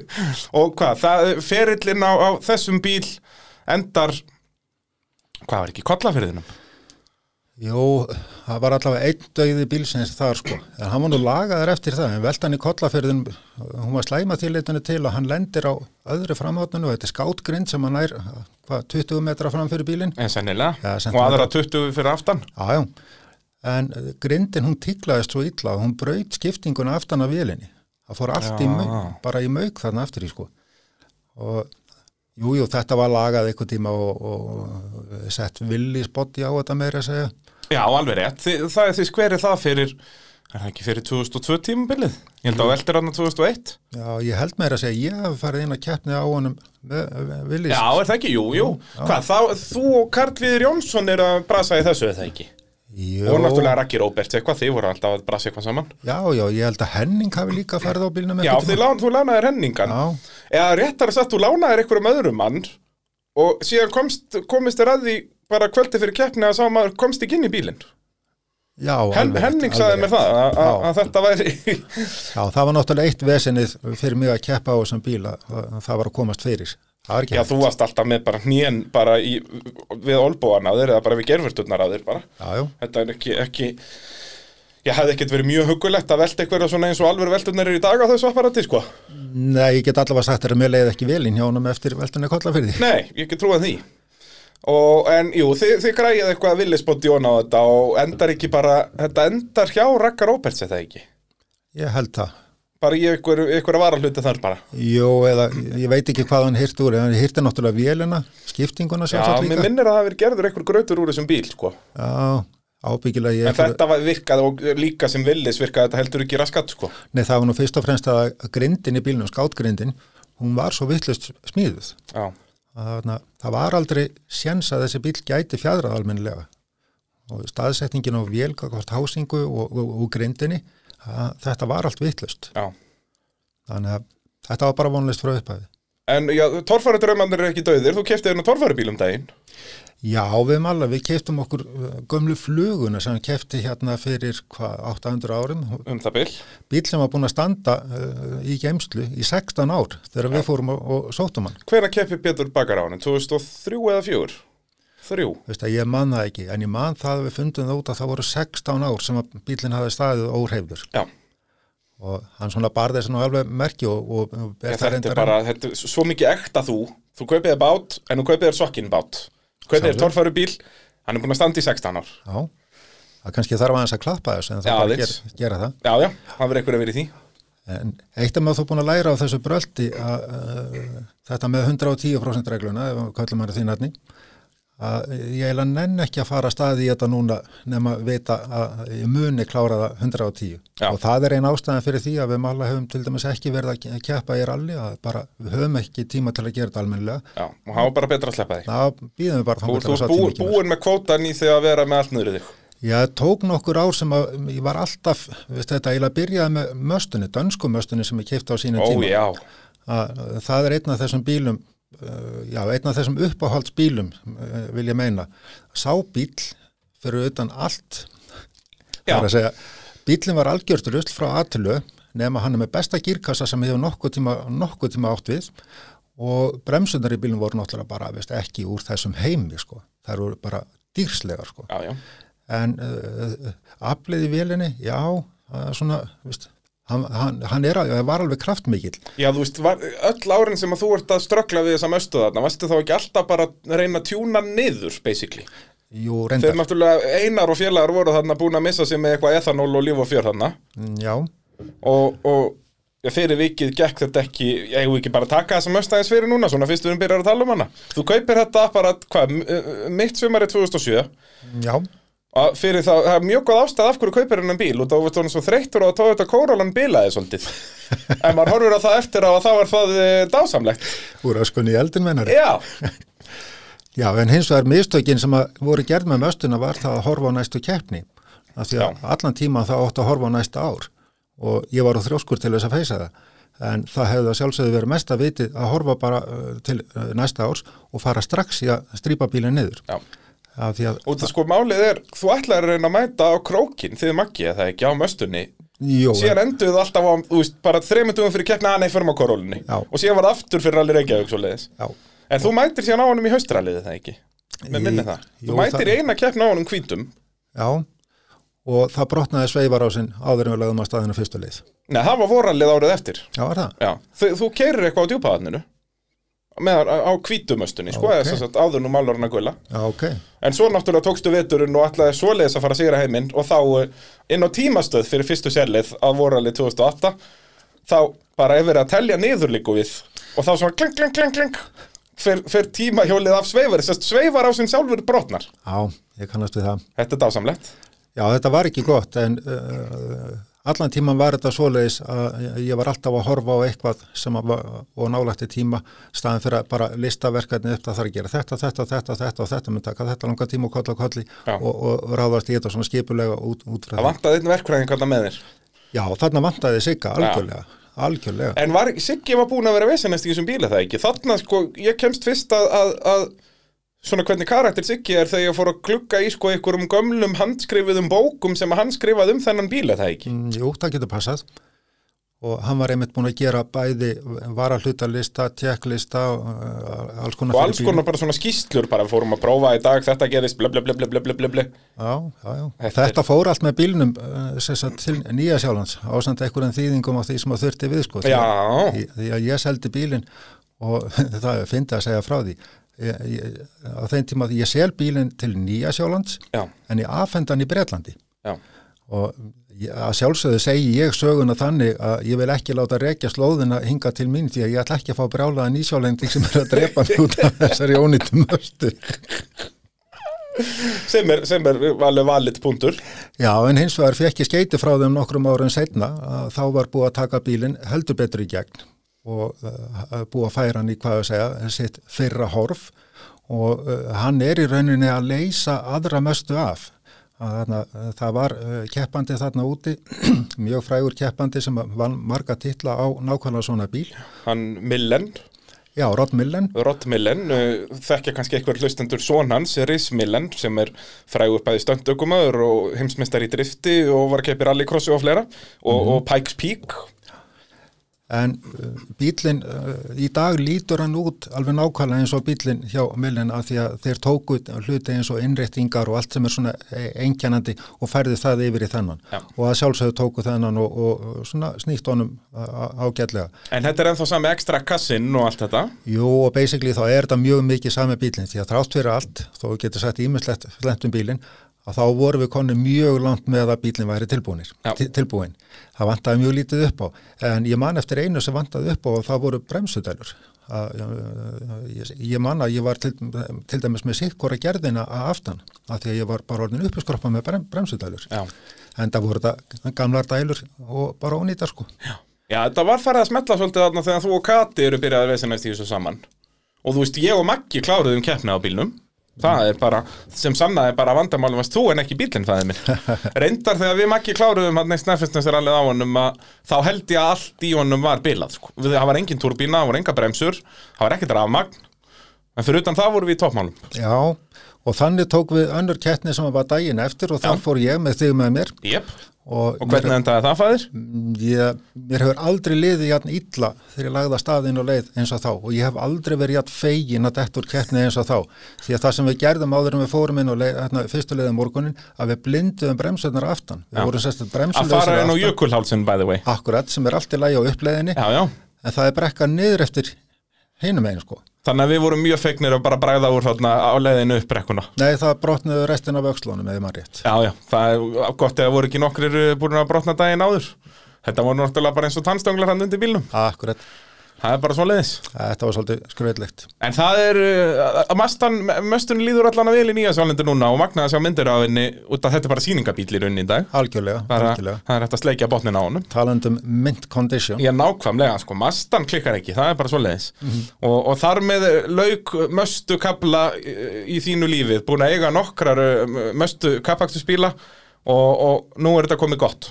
Já, þakka þér Uh, Förum það aftur til ásins 2006 Því að þá kemur comeback Þú náttúrulega keppir ekkert í motorsporti bara eftir torfæruna Já, það er ykkur, ykkur nokkur ár þarna það sem fer lítið fyrir mér. En þú samt alltaf þú veist, Þá byrjar að vera meiri keppni stjórn og, og, og þú veist, ég mann við vorum alltaf starfsmenn í rallikeppnum og, og, og hvaðina Já, það fór alltaf mikið fyrir því. Já, Hefur alltaf gert. Og kannski frægast að þar að, skemmtileg saga er hvað það var haustrallið 2003 er það ekki?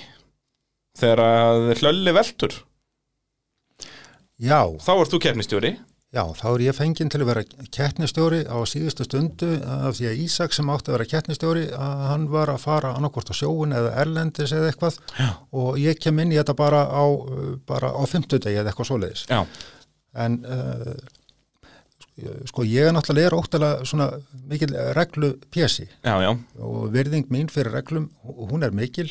Og sömulegis kröfurnar til regluna að þær séu góður og hægt að vinna eftir þeim að ég, ég gerir mikla slíkar kröfur. Já, og svo þegar að koma upp eins og uh, var búið að gerast ítrekka þetta sömar að uh, það voru búin að koma upp atvik þetta sömar sem að var ekki tekið á að, uh, sagt, við bara skulum- eins og þekkist vel í íslensku motorsporti. Já, við skulum ekki vera leiðinleg við vinu okkar. Nei, nei, reyndar þó að sé á kostnaði allra hinna við okkar. Að við brjótum reglur eða við framfylgjum ekki reglum til að vera ekki leiðinleg við suma við okkar jafnvel þó við séum í leiðinni að brjóta á öllum hinnum við okkar. Jöp og þetta skrifa ég bara það að virðingin fyrir reglum hún er ekki alveg á réttum stað. En ég kem þarna inn og ég reyndar fæ svona bríf, hjört eh, segja hann hlöðverð talaði við mig þarna fyrir kjarnina og, og myndi mig á að það hafi verið atvik þarna sumari sem var ekkert sáttur við og, og, og hvort að eh, ég ætlaði bara að vinna þetta eins og þetta hafi verið unnið sumar. Ég bara gaf ekkit út af það en sagði hann svona venjulega þá var ég nú svona svona protokólmeistari sko. Síðan kemur það til að hann veltir bílnum og það brotnar hjá hann framrúða og hún ekki bara springur heldur aflagast hún. Og svona ég þurfti ekki að lesa í reglum ég reynda að hringdi í domnend og spurði og, og, og svoleiðis en það var einhugur en það að þessi bíl færi úr keppni. Uh, sem voru reyndar annar keppni, kepp, keppinautur hans, Daniel Sigursson, uh, dæmdum hann líka úr keppni þar sem hann, hann var ekki með bremsur sko, það var búin að blinda eitt, eitt rör sko. Hverjum dettur það í huga farin og sérlega með blindaðar bremsur? Nákvæmlega, þarna, þarna svolítið að þvílíkur hálfviti maður. Nei, það er nefnilega máli. Ég skal aldrei segja það um sjálfa mig eða hann að við hefum verið hálfveitir eitthvað. Nei, bara keppnismenn. Já, fyrst og fremst keppnismenn, en við þurfum að þekkja okkar hlutverk. Því að þegar við erum að keppa, að þá erum við í öðru hlutverki og gerum annað heldur en þegar við erum til dæmis mammans Já, já, eða keppnistjóri eða örgisfjöldtrúi sem á að sjá um alltaf aðra hluti.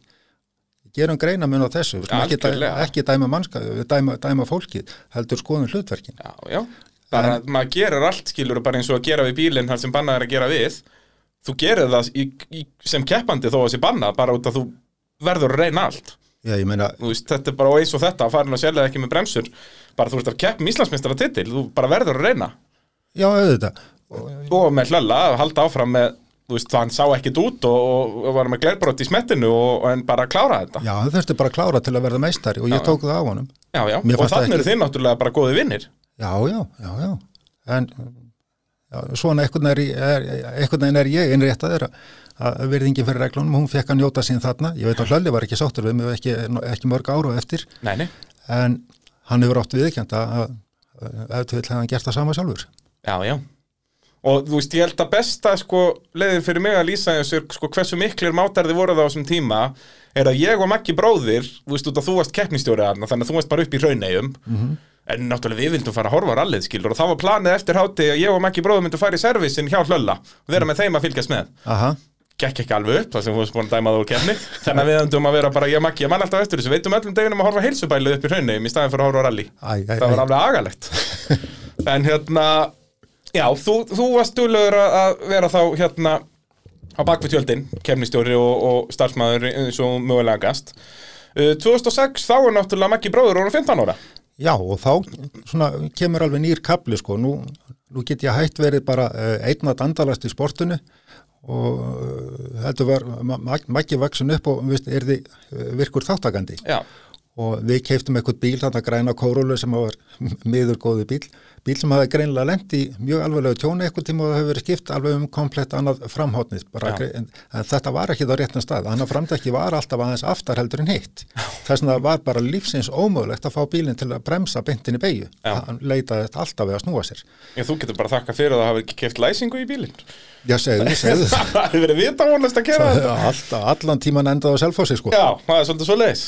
Já, svo leiðis en uh, við hendum þeim bíl um haustið og settum kramið úr honum yfir í uh, yngri bíl, já, bara 2000 og hvað, tvö ár gerða korólu já, eitthvað svo leiðis. en hún leita allavega þannig út Já, en uh, sábíl hann virkaði alltaf bara mjög vel. Hann var aðeins þingri og maður fann það, en eins vegar þá var reyfingarnar í honum, þær voru bara mjög góðar. Þingdar dreifing og svoleiðis var bara í, mjög góðu standi. Jú, sömulegis að þá keftum við læsingu og settum í hann. Þannig að þessi bíl, hann var... það er bara fínasti kapastusbíl Já, þessi bíl var mættur til að vinna sko. Og þarna mætum við Pétri Bakar og Heimi, Pétur Sigurbjörni Pétur sinni. Já. Og ég held að þarna höfum við kynst uh, eitt atveik þarna í fyrstu eða annari keppni. Þetta er í annari keppni, sko, þið mætið í sprettrallið fyrstu keppni, Já, en það bara með bílinn, þú veist, ekki alveg tilbúin, það er nýbúið að sprautan bara reynga hlýðapönnur undir honum og, og verið bara að kera rólega. og náttúrulega allar leiðarnar algjöru ruddar, sko, geithalsun árið slæmur hérna á gufinnessið og svona bara ríkalegt að vera ekki með hlýðapönnu. aha, Uh, þannig að það var, en þú veist, planið þarna fyrir þetta sísón, þarna varst í rauninni svona í fyrsta skipta að fara að keira full sísón og ætlaðir að vinna. Já. Ég man það alveg, að það var alveg bara, og Maggi náttúrulega með allt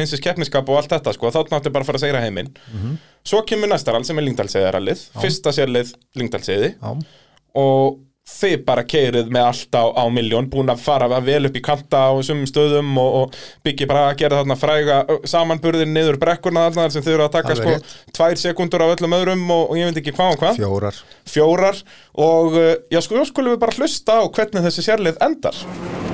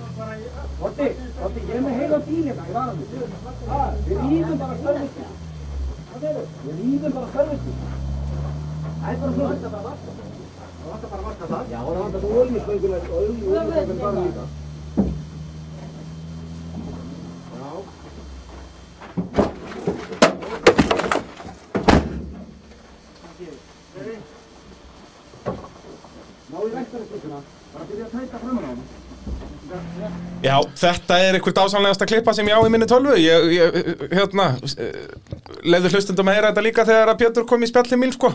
Og Já. heyra þarna bara, það heyrist nú ekki vel. Myndavélinn sem sagt í krassinu fer myndavélinn onni, onni golf Já, myndafinni liggur eitthvað starfinn í bíl, hún skaust úr festingunni, hún reyndar, hún eiðalæðist, en hún, hún gekk samt áfram. Já, já, hún var alveg svona, þú veist, það var hægt að nota hann eitthvað en hún var alveg, hún var ónýtt eftir þetta Já, já, hún var Þetta er bara spóluvél þarna, þetta er náttúrulega fyrir tíma já, en hún náði hljóðinu. Já, náði hljóðinu. Og það var það sem þurfti þarna, því að ekki var nú merkilegt myndættin fyrir framann hana. Nei, En það sem að gerist þarna er náttúrulega mjög merkilegt að, að sko, það var nokkuð ljóst að við vorum að vinna uh, Pétur og Heimi. Já, Svo- þið tók, um tókuðu ekki 30 sekundur á honum eða Já, eitthvað það var einhver hellingur sem við tókum að þeim. Og þeir höfðu unni kettninu undar, þeir voru mættir inn á þetta tímabil bara með hortnahala með það fyrir auga að- vinna. Bara komið fullt af flottum sponsum og kórólan geðið flott hjá þeim og bara, Aha. já, já og svo eins og við, e- eins og við heyri sko, þannig kemur Pétur og hann er að bjóða a, sérst, að rífa servicebílinn sinn til þess að laga bíl keppinautarinn sem að var að vinna sig Já, og bæði við Pétur kemur að fyrrabræði, það er ekki þú að spyrja Pétur Nei, nei, en Það er eins og heyrist kemur, þarna- herðu, bara rífum servisbíl og bæði við rífum servisbíl, Já. ekki taka vaskassun úr honum, nei, Nei. spaða bara allt framan á honum, bara hvað sem þú getur mögulega þurft. Akkurat, akkurat. Nei, nei, og e- ekki bara það sko, að, að, veist, við erum búin að þetta heyrist í, í okkur en þetta er búið. já, þetta er búið, já, já. En uh, Pétur kemur og hann er ekki bara að, að bjóða bílinn til að rífa heldur er hann spóland um allt að sækja service, því að það var ekkit, voru ekkit margir þjónustulegar. Þetta er náttúrulega lögavas megin Já, þarna. En það voru þó nógu margir eh, sem að dögðu til þess að rífa eh, Já, voru þetta ekki einhverjir frá Danna líka þarna Jú, það voru tveir hraustir frá Danna mann ég sem að voru þarna því að það þurfti heljarinnar átök til þess að ná einhverju grjóti sem hafi komið í gegnum vaskassan og lágu á hann á gírkassanum. Lág ofan á kýrkassan. Já, það er bara merkilegt að það skuli ekki hafa brotið skiptin sem er ofan á, á kassanum sko. Já, vaskassin hefur svona dempað þetta, svona álið í honum hefur svona En náttúrulega bílinn var náttúrulega handónýttur að framann. Þetta er þetta ástæði fyrir þetta gerist er að það er búið að færa flaggið í andanum á Lyngdalsegi. Lyngdalsegi, þú veist, þarna Jó. búið að ralla Lyngdalsegin í 20 ár, Mhm. flaggið alltaf á sama stað og þarna er það í rauninni á endanum á beinakablanum en ekki byrjunum á beinakablanum. Já, akkurat, akkurat. Þannig að strax eftir flaggið að þá kemur bara blind vinstri í hægri krappa. Já. Og ég kem bara beint á veginum yfir þetta blinda á fullu ferðinni og bara læsi bremsum, ekki glóra að reyna eitt eða neitt. Nei, þú veist, ef þú hafði reynd eitthvað, það hefur bara kútoltið í staðinn, sko. Já, þá hefði farið út af hinum og, og endaði, Bara í trjánum, sko. já, eitthvað stær. En þetta er, ég vil meina að þetta er uh, svona ein, uh, toppurinn af motorsportferlinum eða, eða þannig. Ekki, ekki endilega bara motorsportferlinum. Bara í, bara, já, Þetta- lífsi reynslu bara. Já, já. Já, þetta er indislegt. Og náttúrulega Pétur- kannski ofan að það að, þú veist, Lyngdalsegin þetta var bara einn af þinn, þinni fullkomnu sérleið ef við tölum um það á rallyferlinum. Það gekk allt upp á þessari sérleið. Já, við reyndar þurftum að slá verulega af eftir þessa leið því að bílinn var náttúrulega ekki Já, alveg góðu já, standi. ég er að tala um sérst fyrstu leiðina. En Bara- það sem við gerðum þarna sem að ég hef ekki verið duglur og það er þetta í undirbúningnum að sjáðu til dæmis beigjarnar sem að hann Birgir Þór talar um þarna, þetta er bara beigjusett Mhm. og viðst, vinstri, uh, já, hægri, vinstri, hægri, vinstri og, og endar á, hægri beigju og svo inn á 400 metra langan beinan kabla. Bara þráðbeint, bara hann þetta er frækt Daniel Sigurðsson fór upp á tvö hjól hann í síðustu beginni þetta sama ár Akkurat, akkurat. En þarna mæður svo rosalega mikið á á hvaða hraða kemur út úr þessu. Það er ekki spurning á hvaða hraða þú ferði gegnum einhver einstaka beigur inn í þessu. Það er bara síðasta beigjan sem telur og uh, ég man ekki hvernig þetta liggur en við vorum alveg búin að kortleikja að að það var ein tiltekin beigja sem var það sem ég hef stundu kallað núlpunktin í settinu. að, að, sérst, þarna verði að vera það vel staðsettur ég geti sett bensinni í botn og keirt út úr í. Já. Og það, á þessum stað og svo mörgum, mörgum öðrum þá bara virka þetta 100%. Með einn undatekningu að þarna á einu stað á leiðinni að þá uh, sérst, við kerum aðeins upp og yfir blind hægri eitthvað lítið og inn í vinstri. Þarna fórum við út af, bæði út í vinstri kantin og út í hægri kantin og ég fatta ástæðinu fyrir það, löng, ja, ekkert löngu setna, fatta það strax. Að þegar við skoðum leiðina að, að þá var steinn á veginum í brekkunni þannig að við keirðum alltaf hægra megin, nei vinstra megin upp, upp brekkuna og þá var þetta beint yfir. Já. Það var ekki hægri Þá ertu búin að taka hægri beina fyrir rauninni. En þegar þú kemur á fulliferðinni að þá ertu hinum megin á veginum. Já, og þá er þetta virkilega hæ- hægri beigja þarna yfir. Já þið eru bara hefnir að fara ekki að toppin þarna eða, eða tjóna allavega einhvern hjólabúna Já, já, það var alveg rétt. En hérna Þið græðið, að var þetta aðalega bara skipt um vaskassa þarna eftir þetta stóra krass? Þú veist, það þurfti vantarlega, þið gáttu ekki tóga bílinn til En voruð þið bara með sleggjur og drastliða Já, það er náttúrulega uh, vaskassi, oljukælir Já, ról, já, þetta er náttúrulega fjórir að og ég man ekki hvað var fleira þarna frammi. Það er náttúrulega allt sem að heitir uh, hlýðapönna festingar var í, í greindanefinu og ég man ekki einu sinni hvernig þetta var. Uh, Hvort þetta hefur bara verið skrúað undan eða eitthvað Nei, nei, við settum það undir en við hengdum þetta einhvern veginn upp og ég held satt að segja að þetta hafi bara verið strappað. Það er svoleiðis, Já. bara þá vöru bílastrappið eða hef með minnir það, ég, ef ég mann rétt að þá var liðið frá Danna með Já, það verið þeim líkt að vera með vöru, með nóga vörubílaströppum Já, já. en einhvern veginn þannig var þetta. En uh, svo var Líndalsæðin kerið aftur fram og tilbaka og ég man eftir því að þegar við komum yfir þá vorum við bara konur í dekkjavandræði. Já. Að eina sem við gáttum gert það var að setja ólöglegt dekk undir bílinn. Já, þarna heitir þetta Max 1 flokkurinn Já. og ástæði fyrir að voru í dekkjavandræðum er bara út af því að þessi Max 1 dekk voru rusl Já, það er, þetta var bara mein gallað eða eitthvað, veist, þetta var að springa bara ferjuleiðum og hvað hérna, sko já, þetta voru ekki góð dekk. Nei, og þá sess að hendiði bara einhverjum kúmadökkjum undir bara var það ekki bara, hérna, Úli á Sönníunum sem var með þetta Jú, hann var einmitt með eitt kúmodekk með og við fengum það og Hann se- var settum hérna undir. driftinu, hann hefur nú komið til mín í spjall Já, og þar með vorum við náttúrulega ekki lengur lög, löglegir í Max 1 flokknum, Nei. eða gamla Nordic flokknum. Já, Þannig að við vorum dæmdur úr þeim, þeim flokki en við vorum ennþá inn í tvöðarsflokknum. já Þannig að sko Pétur og Heimir sem voru búin að vera miklu bas- basli alla keppnina sko, þeir hefðu sennilega alveg geta náð ykkur á akstri og þetta náttúrulega bílum var keng skakkur hjá ykkur og allt í steg en þeir gáttu það ekki sjálfur, ég held að þeir hafi sprengt eða það var eitthvað vesen á þeim Brems, bremsuvesen. bremsuvesen getur passað, já. Og hérna, þannig að þeir eru ekki breyk en, en ná að vinna 1600 flokkin sem sagt út af því að þið eru á vittlisu dekki. Þannig að þið náðu allavega að Já, já. og, en þið eru náttúrulega þá þarna komin í, í góða stöðu í Íslandsmótinu í 2000 flokki þá eru þið að leiða af því að spretturinn gildi bara hálf stig voru í öðru sendi þar og svo fyrsta sendi þarna Já. þannig að þið leiðið fyrir IFS-rallið en þá náttúrulega springur vélinn í einu sinni sem oftar Akkurat. Og það, uh, það sem að gerist með vélina í bílnum, hún reyndar ekkert springandi, það uh, síndi sig að það var að fara headpakning hjá okkur aftur og aftur. Og ég hef alltaf keift afturmarket headpakningar og hlöðverk kendi mér það einhverjum árið setna að það bara einfallega má ekki með þessar vélar. bara verður að vera orginal bara Já, og hann sagði reyndar uh, sérst, þessi tiltakna gerð á headpakningu sem ég notaði og hún væri yfir höfuð bara ekki vel liðin. Já. Það væri bara svona mjög misjörn uh, gæði, stundum góðar, oftast lélegar og stundum alveg svakalega lélegar. Og það fór bara uh, sem fór sko. Já, já. Ég mann hins vegar eftir í, í Rally Reykjavík þegar að þið tveir voruð að keppa Já. að þá einmitt sett ég sem sagt í miðri keppni orginal headpakningu þá eru þið búin að detta úr keppni með headpakningu gott ef þú kaupir ekki þá headpakningu bara í þessari byggingu sem við erum inn í núna Já, það geti alveg verið. er það ekki, var ekki Toyota hér þá? Nei, reyndar var sjoppa hérna fyrir framann þá.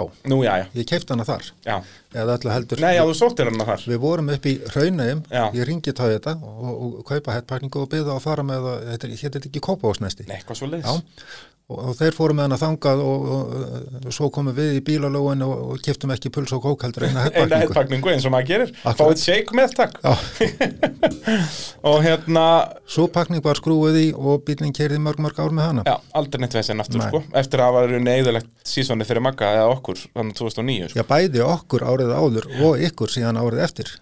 Já, nei, þetta slapp 2008 Þá held ég bara út að Maggi var að keira svo svakalega hægt að það gerist aldrei neitt Hann nú- snér honum aldrei nema upp í 4000 Já, er það? Nei, ég veit það ekki En eða var komin orginal Nei, getur ekki verið komin orginal headpakning þá Nei, Maggi var að keira tímabilið, uh, ég man allavega eftir í uh, eitt tímabilið þegar hann er að keira. Já, það er 2009 þegar það fer alltaf headpakning hjá Já, okkur já, En 2008 slapp þetta sko Var það? Já. Ok, þá hef ég heitt á einmitt uh, góða, já, Eina já, góða. akkurat, akkurat Já, en hérna þá náttúrulega er slagurinn titilin svo sem búinn og þið mætið, sérst þarna náttúrulega tekur þá að hvernig að kaupa möstuna því að þessi kóróla er alltaf bílandi úr öskunni í eldin eins og við tölum um það akkurat, akkurat. og síðan endið þú veist, þið mætið á krókin bara með ákveða að mæta á krókin en ekki, sérst á, á kórólin en ekki möstuna þarna rétt fyrir og, og Mhm. engin dekk og eitthvað, ég man, kerði þið síðan ekki allt alþjóðaralli á sömu fjórum dekkjónum Jú, við fórum uh, á fjórum kúmódekkjum sem voru sæmilega góð og kerðum alla keppnina. enda voru þetta orðnir eðal slikkar þarna eftir Ó djúpavatnið. já, ó já, þeir voru vægast að búin. Já, það er svolítið svoleiðis. Þannig að Pétur og Heimir verða tvöfaldir meistar hann að bæði 2000 og 1600. Já, Það er bara vel að- gott, að karma, gott karma hjá þeim.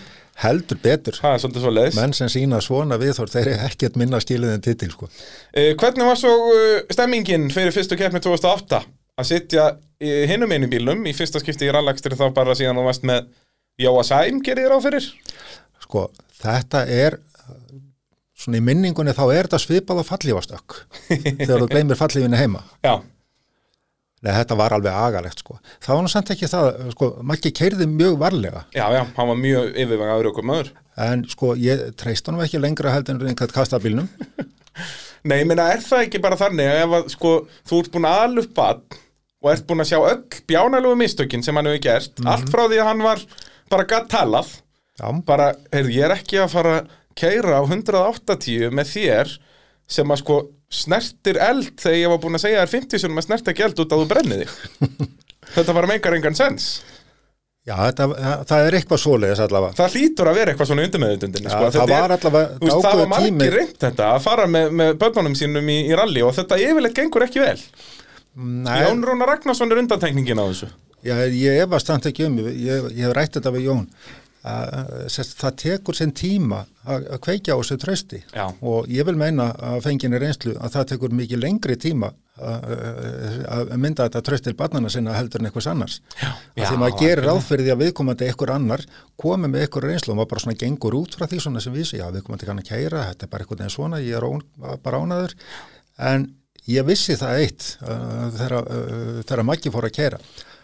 Ég vissi það bara eitt að hann kunni ekkert að kæra. Þannig að hann þurfti, veist eins og Danni lagði upp á hann vorið, að veist, horfiði bara það að kæra 400 km og ekki gera neitt með bensingjöfuna fyrir það eru konni 400 km á sérleðum. Út af Maggi náttúrulega fær bílprófið þarna bara viku fyrir keppni Mm og, og er ekkert búin að vera, það er ekkert rallycross þarna til að æfa sig neitt. Ekki neitt. Þannig að- Þetta- Það er nánast fyrsta sem hann keirir, það er á rallybíl í keppni. Já, En uh, hann eins og er, uh, hann er náttúrulega mjög skipilaður einstaklingur. Þannig að hann keirði alveg eftir þessu og það sést alveg í miðju rally Reykjavík það ár að þá kviknaði öðrum aukumanni. já. Þetta búinn- er svo magnað, þetta gerist þarna bara eins og segir á bara miðjum, eða á byrjun degi þrjú eða eitthvað svoleiðis, Mhm. þá allt í hennu bara fer Magnús Þórðarsson að keira bílinn hratt. Já, þá bara búið með 400 kilometrana, ekki fyrst í bensingjöfinni og nú má byrja. Nú maður fara, og þú veist, þá bara fer hann að pakka henning og þessum köllum saman á okkur Akkurat. nokkrum leiðum hann og svakalegt sko. En, en já, þe þeir leiði ekki vel þarna uh, í farþegarsættinu með Magga. Þetta var svolítið erfitt framan af, en uh, þetta vandist nú. Já, já, En ég fattaði fljótlega að ég var ekki maðurinn sem átti að vera þarna. Þannig, þannig að það var mjög, mjög þægilegt þegar þú gast komið í staðinni. Nei, ná, það þurfa Guðni sem kemur fyrst. Það er mikið rétt, mikið Guðni rétt. fyrir á, með þeim á, á krókin. Ég held að þú keppir bara, keppir ekki fyrstu tveimur ölunum með honum. Það getur passað. Já. Og svo mætti Guðni á krókin og í, í Rally Reykjavík. Mhm. Og hérna, það er nú skemmtileg saga sem Guðni hefur sagt, sko, að, þú þurftir að, að fullvissa foreldra Guðna, sem bæði við í dag eru sko bara einhver almestu rallyfans á Íslandi, Ok. Að þetta væri nú alveg örugt, að það, það, þau voru ekki að senda svonsinn í eitthvað helvíti. Manst eftir þessu? Jú, ég mann þetta. Hvað, var þetta, ringdur bara í mömmans Guðna, eða hvernig virkaði þetta? Já, ég hafði svona uh, óljósa tilfinning, nei ekki óljósa tilfinningu, ég hafði alveg svona merki frá Guðina fyrir því að það væri nú einhver issue þarna sko. Já. Þannig að ég taldi nú rétt að- ringja eða og svona láta vita hvernig landsið, að hafa margir komið lifandi úr rallikeppni sko. Þetta er ekki bara svona 50-50 Nei. en þarna, já, já þau, þau tóku samtalinu mjög vel. Já. Og Ég fann það alveg að þeim, þeim í alvöru leið ítla. En það er náttúrulega, En þau náttúrulega vissi ekkert hvað þetta var Nei og það er alltaf þetta þekkingaleysi, við erum alltaf hrætt við það sem við þekkjum ekki Nákvæmlega. og þannig var það hjá þeim. Þannig að um leið að þau voru búin að fá svona smá uh, upplýsingar, smá bríf, að þá var þetta allt svo miklu, miklu betra. Og, og Guðni fer þá með Magga þarna í, í já, Krókin og Rally Reykjavík og svo kem ég náttúrulega 15 ára í haustarallið Já, alveg rétt, alveg rétt. og gott, jú, við fengum byggar þar með sem vorum í þriðasetti, Ól segir Já, var það? Já, Maggi var náttúrulega, þarna fyrsta sísoni var hann bara solid, var ekkert að gera hennan glóriður Nei. og, og síðan ætlum við að segja heiminn 2009 sko, en þá náttúrulega bilaði bílinn í hver einustu keppni sko. Já, þá, já, Það er nefnilega tímbil leit svo vel út sko. þá verðum við með Haldur Vilberg að koma á korólinu sem Pétur var á já, uh, hérna Júli á Hondunni mm. -hmm. geggjaður ökumæður og Honda náttúrulega frábær bíl og svo við á, á þessari koróli já, en svo var alltaf eitthvað bílir í bæði á okkur og Júla var, ég, mér minnir að Haldur endi sem meistari Haldur endaði sem meistari og uh, sko, ég verð nú að segja, hann var alveg uh, vel þess verður. Já, eins og við En sjáum hann líka í fekk dag, ekki ökumaður. sem hann kannski þurfti því að uh, hann hefði svo rosalega mikið uh, þurfti á því að halda að fá samkeppni á, á þessum tíma til þess að verða fljótari að læra og verða ennþá hræðari. Já, eða fljótari fyrr í rauninni maður sér það núna að hann hefur alveg hraðan en kannski að hann verið ennþá hraðari fyrr ef hann hefði fengið ennþá meiri samkeppni hann fekk nú samt alltaf samkeppni á leiðunum þó að við hefðum ekki endað á að klára keppninar það var alltaf, hann var fullferð á leiðunum Já, já.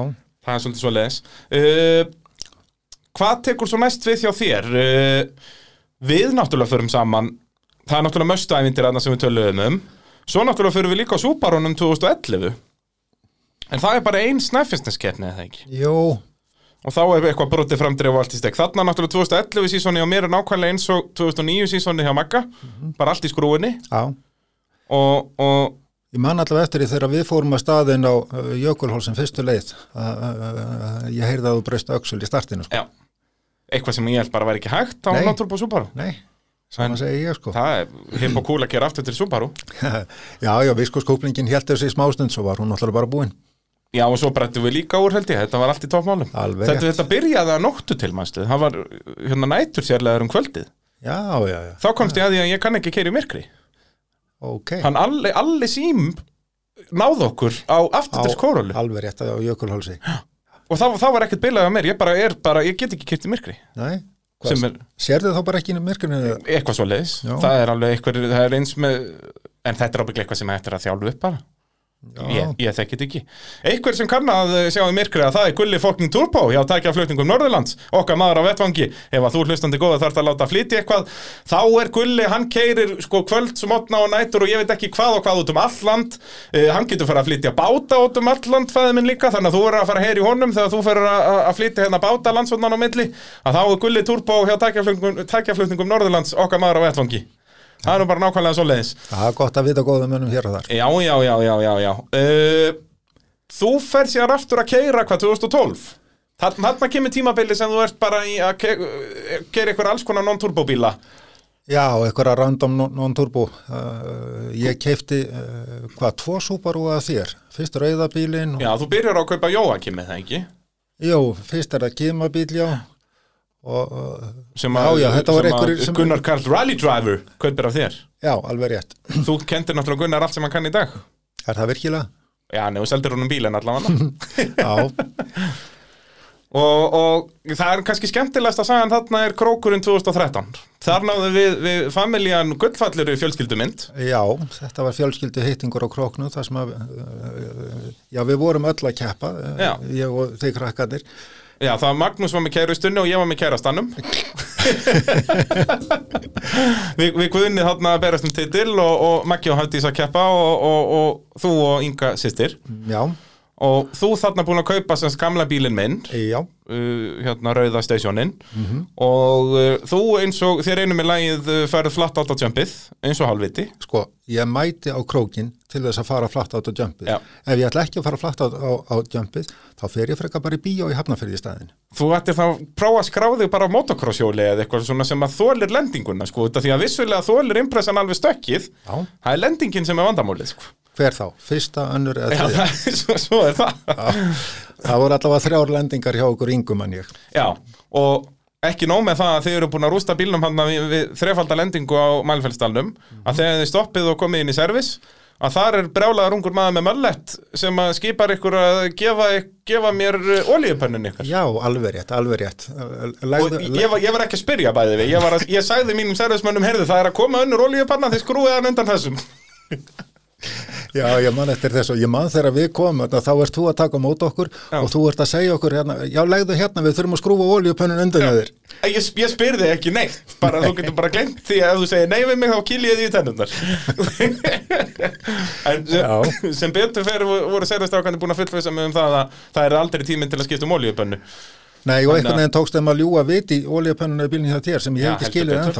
sem Já, Jói hérna sem var í servis hjá mér, hann náttúrulega var bara eins og Bruce Willis hann var í, í hvítum stuttarmaból búinn að vera að setja pústkítti og eitthvað viðbjóði í lekandi olíupönnu þannig að við getum rétt ímyndað sko, í 27 steg hittanum það var hann bara, eins og ég segi, Bruce Willis á ekki breyki hann sko, þó að eh, í Die Hard 5 er hann ekki svona olíublötur það Það er bara svoleiðis. er nákvæmlega svoleiðis. Já, jú, ég man eitthvað eftir þessu, þetta var mikið bíóadriði. Já, já, en þið keirið síðan mælferðstalinn tilbaka. Já, og, og Inga sýstur orðaði þetta best sko, hún var farin að finna fyrir því að eitthvað væri að þegar að hún gæti ekki verið með lappirnar á sparkplötunni. Sest, það var orðið svo svakalega heittar að hún þurfti að setja lappirnar bara svona eiginlega undir stólinn sko. Já, það var líka það að sparkplatan var farin að snúa vittlust af því að gólfið gekk svo langt upp í sem sagt, sparkplatan, þú lagðir ekki uh, lappinnar á henni eins og við gerum heldur eira meira svona reyndar að standa á henni sko. Já, og gólfið var náttúrulega að ganga upp að því að það vantaði náttúrulega þarna hægra fram þarna á bílunni hjá okkur halvan dalinn sko. já, eftir og þarna er sem sagt hægra framhjólið að, að bara röppast upp í kvalbak basically Nei, það var löngu, löngu hætt. Já, og það hafa löngu sprungið og allt í steg Já, ég veit ekki hvað gerðist fyrst en svona það sem að gerðist að við, hana, við týndum gormunum eftir að brent, að demparinn brotnaði eftir að dekki sprakk og svo gerðist eitthvað fleira Já, og eh, ljósið var samt tildurlega heilt. Re- reyndar ekki brett upp hotljósið sílsin og hurðin Já, og en- speil, en, en- það en- var allt farið. Já, já, en, en aðaljósið var, já, þú veist búin, sko, brettið var ennþá á bílnum og það orðið gullfallega og krómað og fínt. Já, pólerað Það var búið að pólera brettið, sko, allt það var ekki vottur að lakki eftir á því. Nei, en þarna eh, þegar að þjónustuliðið er að ganga frá að að því allir sko, voru konur á farnir og, Ívar Örn orðaði þetta langt best, þegar, og ég held að hann hafi talað um þetta í, í þættinum sem hann kom inga til mín, að gera ferilin hjá sér, að þá er náttúrulega búið að vera allt á fullu í servis á þeim, út að ég er náttúrulega þarna með ónýnda oljupönnu Aha. og þeir eru búin að vera spasli það á vesenast og gera og græja.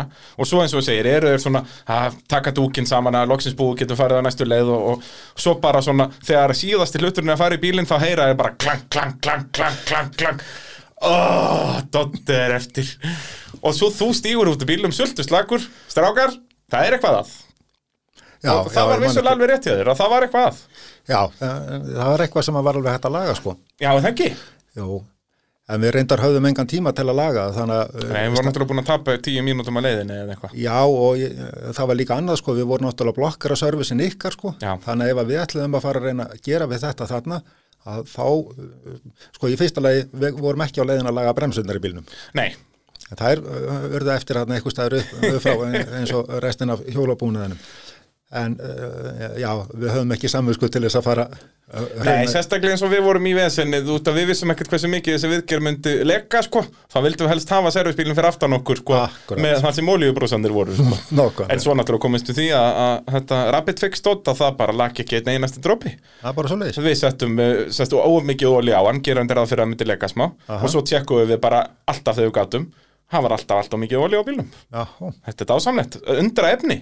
já, Uh, svo náttúrulega kaupur annan bíl að mér þegar að ferli mínum uh, er lokið þarna eftir 2013 tímabilið. Já. þá skiptum við réttar að sagt. Þá tek ég aftur rauðahauðin já, gamla brand. gamla brandinn, þú tekur nýja brandinn. Já, og þú keppir nú ekki mikið á honum. Þú keppir að neitt ég man sérstaklega eftir á skjálbræðiðeginum ég, ég held að það sé eina keppni sem ég fór á honum. þú varst bara duglegur að lána maggan og eitthvað. Já, já.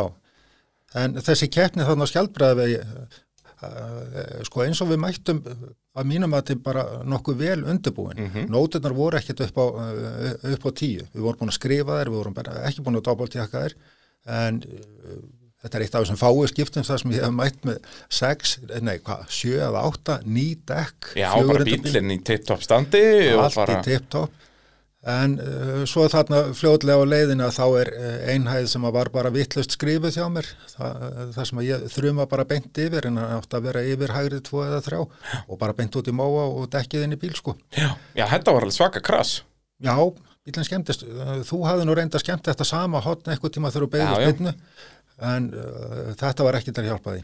Nei, þessi, sko, það að þessi bíl sé ennþá, ég eitt sá besti í þessum flokk skil ég ekki. Þetta er bílinn sem Jósef er á í dag Já, og, og í millitíðinu, þú veist, er Gunnar Kall búin að velta honum og, og, og fleira og fleira en þetta er ennþá bara topp bílinn, sko. en samt sko, versta tjónið á þessum bíl, það kom ekki í keppni heldur þegar hann fór út í skurð á Þegar hann- til þegar hann Reykjavík. slefta sér beislinu. Þannig hann slefti af sér beislinu Já. og kripan, sem sagt, uh, hvað, ef við kallum það gírkassa uh, túpuna þarna í, í gólfinu, að þar sérðu að bílinn er brotinn. Já, já, það chippaðist upp úr málingunni þar, sko. Já, já, og það er bara, bara begla, sko. Já. Þannig að bílinn, hann er búin að stýttast eitthvað. Hann, já, já, en eins og ég segja, það er, hann er ennþá hraðast í bílinni flóknum og, og hjólastillist rétt og allt þetta bara, þetta hefur verið mjög fagmannlega klest þarna í skurðin. Heldur betur. Það er bara svoleiðis. Hver stýrði? Það er bara Jésús Kristur, Akkurat, hann Það er svona ríkala góður ökumæður. hann er góður við stýrið, sko. uh, Motorvarpið að sjálfsögðu í bóði Ólís, hvet alla til að fara inn á vinahópur.ólís.is og uh, komast í vinahóp Ólís, því þar vilja allir vel að vera og, og næla sér í Ólís leikilinn og þá færði afslátt af bensíni og, og alls konar gummulaði í fyrirtækjum út um, uh, já, bara allt höfuborgarsvæði, út um allt land, bæði veitingastæðir og, og uh, bónstöðvar og ég veit ekki hvað og hvað. Þannig um að gera farin á vinahópur.ólís.is og næla sér í Ólís leikilinn. Er þá ekki bara komið að uh, sér okki kaupum? Jú, hann má kannski segja það, allavega gerist ekkert merkilegt þarna í millitíðinni. Nei. Ekki þannig séð, nema, nema kannski eitt þetta með félagskapin. Það er náttúrulega, að mörgu leiti þá er þetta einsleitur hópur sem er í, í, í sportinu. Allavega áhugamálin, þau eru oft á einhvern hátt svipuð. Oft um bíla, stu- stundum bara um hraða, hraðakstur, jáfnvel bara veist, um bíla tækni, eins og ég veist, yngri minga og fleirum. En uh, það var alveg dásanlegt að, að, að í þessum hópi uh, uh, fyndi maður konuna sína. Já, og við Malín einmitt kynnust í gegnum sportið en hún hefur mikið verið í, sest, í kringum motorsportið, hefur keft og var búin að keppa áður en við kentumst og, og, og svo leis, hún var blaða maður á morgunblæðinu og, og, og sko við kynnumst fyrst bara því að ég er alltaf að senda á hana einhverjar eh, greinar, búin að skrifa eitthvað Já, um já. einhverjar keppni hér og úslitun og þetta gerðist og, og svo bara hitt að senda og, og hún var að, sérst að taka upp úr þessu eða ringja tilbaka og spyrja að fá við til að búið til betri sögu Mhm. en uh, þessi saga hún spannaði mörg ár áður við kynntust uh, á, á þeim fórstundum að við varum að fara að búa saman en, en það hlýtar að vera ég hlýta að vera öfundaði maður að hafa fundið mér konu sem sagt, Í motorsporti? á, á, á þessum vettvangi en það sést að það sem að uh, það sem þetta að er bara í fjölskyldunni, Maggi, sonurinn gerði þetta lungu á undan þér. Já, reyndar, reyndar. En þetta er, sko, þetta er náttúrulega mjög dásanlegt og enda er það svoleiðist að það sem að við gerum í sportinu eða ákveðum að gera ekki, að það er eitthvað sem að við, erum alveg rosalega svona samstega í Já, já, og það litla sem við höfum keft, það höfum við keft saman já. og reyndar torfærubillin hann er svona, uh, já, ég veit ekki alveg hvað við vorum að hugsa, okkur langar báðum, en ég sé alveg fyrir með tókstreituna þegar kemur að því hver á að keira. já, það er vandamál að það er ekki tveir, tveir í bílnum þar. Já, það er eiginlega vesinn, þannig að áherslan, allavega nokkuð tíma, ég veit ekki hvað ég að segja, að hún er svo að líklast langar okkur bara meira að vera í rallinu. Já, En hitt ætlum við að klára, flugan mun keira Já, og ég held að við höfum bæði eftir að keira hana. já, um að gera. Og þið eigið þennan eðal sérokki út í, út í garði, Já, garðskurítið okkar. garðskuritið, Já, þó að var einhver vittlisingur sem eðilaði vélinn í honum. e, já, allir það skrifist ekki á mig fyrir að hafa ekki stilt kveikjunarétt. Já, hugsanlega, en, en svona, jú, jú, ég var aðkonum samt. E, vissulega, vissulega. Þetta er allt einari að kenna, bara segjum það. Akkurat, Já. senda einar að laga bílinn. Eina vitið. En þetta er dásamleg, dásamlegt apparat, þessi sérokki. Ég komst að því þegar ég kefti á hann þó að þetta var nú stutt. Þetta er alveg heilmikil græja þessi bíl og uh, bremsunar í bílnum, uh, þetta er bara rosalega gott í abbægi sest fyrir uh, þessa þingda bíl og það, er, það örlar ekki á því að það er hittni eða það er eitthvað að feita út og, og samt erum við búin að vera að keira leiðir eins og stapafelli þar sem eru langt, langt, beint, beint, beint og bremsa, bremsa, bremsa já. alveg og uh, bara allt í fína legi sko. Þetta minnir pínulítið, eh, ég ætla nú ekki að jafna þessu um, bremsuna í um, möstunni sem ég sagði frá áðan en það eru mjög góðar. Já, þetta er, hvað, er þetta ekki bara bremsur úr semst svona Grand Cherokee en settar í þetta body basically? Jú, þetta eru bremsur úr talsvert mikið þingri bíl. Já, já ég komst allan að því, þetta er bara þetta er heiminn og haf með að við bara einhverjar impressubremsur í impressu, sko Já, já, já, þetta er eitthvað allt annað sko. Já, En svo er fjöðrunin í bílnum, hún er, hún er trikkið. já, Og uh, ef, að- einhver bíl getur getið eitthvað, uh, frákast, uh, jump eða eitthvað svo leys, að þá skal þessi vera fyrstur á blaði. já. Já, það er kannski gulli á undan sem Helgi á í dag. Mm, Þeir eru þá allavega á pari. Ekki vill Eyjó meina það. Já, það er það, vill Eyjó meina að rauði þessi skemmtilegri? Já, hann vill meina hann sé bæði betri akstusbíl og geti svona hluti betur og, og einskýringin á því er að hann er með mikið léttari hjólabúnað af því hann er bara með mikið léttari dekk. Já, algjörlega En þetta er allavega dásanlegt apparat og, og það er bara vonandi að þeir farið að keppa eitthvað Já, við ætlum að reyna að taka bílinn uh, núna á næsta ári með það uh, fyrir augum að keppa á hann 23. Já Það er svo, síðan eru þið bara flutt vestur, er það ekki? Jó, við erum með annan fótinn þar og verðum með annan fótinn þar. Við verðum líka hérna í bænum. Þú náttúrulega sjóari bara, þetta motorsport, þú ert búin að vaksa upp úr þessu helvíti Já, ég er líka búin að vaksa upp úr því að vera að vinna á veturna, þannig að Já. nú er maður tíma til þess að fara að skrúfa rallybíla á veturna, sko. En þá þarf þetta að byrja að smíða eitt bát fyrst Já, ég þarf reyndar að byrja að smíða líka annað hús til að hafa eitthvað stað til að smíða uh, rallybíli í, sko. Svo þarf þetta að fara að kaupa loftbelg og skriðdrega og eitthvað Hvar fæst það? Ég það, á internetinu, þú ættir að vita þetta og það er alltaf verið að hleypa þér á internetið með, með minnskoðum árangri Já, ég hef bara ekki fundið þetta. Nei, nei, það er hérna, en það hlýtur að vera næsta dagskrá svona með við eh, þá bjánalega hluti sem þú hefur keift Ég veit ekki með það. Er þið bjánalegir? Já, bara sko, bara svo hlustendur vitið þetta, sko, þannig við erum að tala um uh, mann hér, hann fæði minn, sem að sko, eitthvað hvað er, þú veist, þrjú ár í tölvunafræði, Já. bara, ma masteraðir það, bara kláraðir það bara á, á, á með tíma, svo hugsaður, heyrðu, hvað, hvað er að gera sem tölvunafræðingur? Já, ég ætla að koma með partasölu. Svo fattaður, heyrðu, það er ekki gott að vera tölvunafræðingur sem partasali, þetta er drefilegilegt. Ég ætla að vera sjóari. Já. það er bara, þú skiptir um skoðanir eins og nárböksur, það er bara svo leiðis. Já, það má vel vera. Ég ætla að læta eftir mér að gera það sem ég langar að gera. Ég segi það, og það er nákvæmlega það sem maður á að gera. Já, það er ein leiðin. Það er bara svo leiðis. Já, ég laði sem mann um, uh, sem að ég ber mikla verðingu fyrir sem var hætt í vinninu, búin að vinna hjá sama fyrirtækinu, sömu vinnuna í hvað, uh, 52 ár ef mann rétt. Og mér finnst þetta alveg indislegt Mm. ég veit að, uh, veist, ég á náttúrulega fræðilega sé ekki möguleika á ná þessu marki en ég hef ekki áhuga á því fyrir fimmur, Nei, nei, þetta er akkurat ekki ég. Þetta langar- anstæðan við þig. Já, já, veist, ef mér langar að keppi rallycrossi, okkur keppi ég þá ekki rallycrossi, ef mér langar í bát, okkur fæ ég mér þá ekki bát. Langar að keipi torfæru, kaupa torfærubíl. Já, já, kannski keppi eitthvað tíma. Já, já, það er Eitthvað þarf að byrja. Ég segi það, er gott að eiga vant að vanta. Nákvæmlega. Það er svolítið Ég hefði svolítið. ekki getað orðað betur. Fyrir þetta þá ekki verða komið ágætt hjá okkur, pabbi minn? Mm, Já, það getur bara vel verið. Við að gleyma einhverju eða? Erst þú með einhverja punta? Ég veit það ekki. Ég reyndar alltaf gaman að veitni sögu ofan á Kaldadal. Já, Þetta er eiginlega fyrsta rallið sem að ég er eitthvað í kringum þegar Palli Harðar og Vítek eru að keppa og, og uh, á þessum tímapunkti þá eru feðgarnir á, uh, sko, Áskjör og Bræði voru ekki með. Feðgarnir á möstunni voru dottnir eitthvað lengst lengst aftur eða dottnir út eftir að hafa sprengt hvað, nýja eða átján dekk, ég veit ekki hvað. Og Steingrimur Inga dottin út með broti drif. Er þetta þá ekki bara haustrali 91? Nei, þetta er Rally Reykjavík 91 og þá voru Áskjör og Bræði voru með í Rally Reykjavík. nei, Nú, þeir kvildu þá keppni. Þarna já, já. Í þessari keppni, ég held ég fara alveg með rétt að þeir kvildu akkurat þessa keppni. Yeah, Allavega á þeir þessum- kert allar keppnir, þeir slepptu einu einu haustrali bara þegar þeir voru orðnir meistarar, sko, þeir myndi aldrei sleppa Rally Reykjavík. Tekka það á sig, ég held að það sé rétt mun að þeir hafa Já, sleppt. já. Allavega á þessum tímapunkti þá eru uh, Er staðan svona? og í fyrsta sæti var hann hérna Sakuvi í Ríma á landsíðinni, Já, svakalega græja. Og Pítur Gætil var í öðru sæti á uh, Möstu, einhverju bara tildulega og eh, fyrir uh, Kaldadalinn sem var næst síðasta leið að þá er kóarinn hjá hana, uh, Pítur Gætil að tala við Vítek og er að spurja hann eitthvað út í tíman á Kaldadal.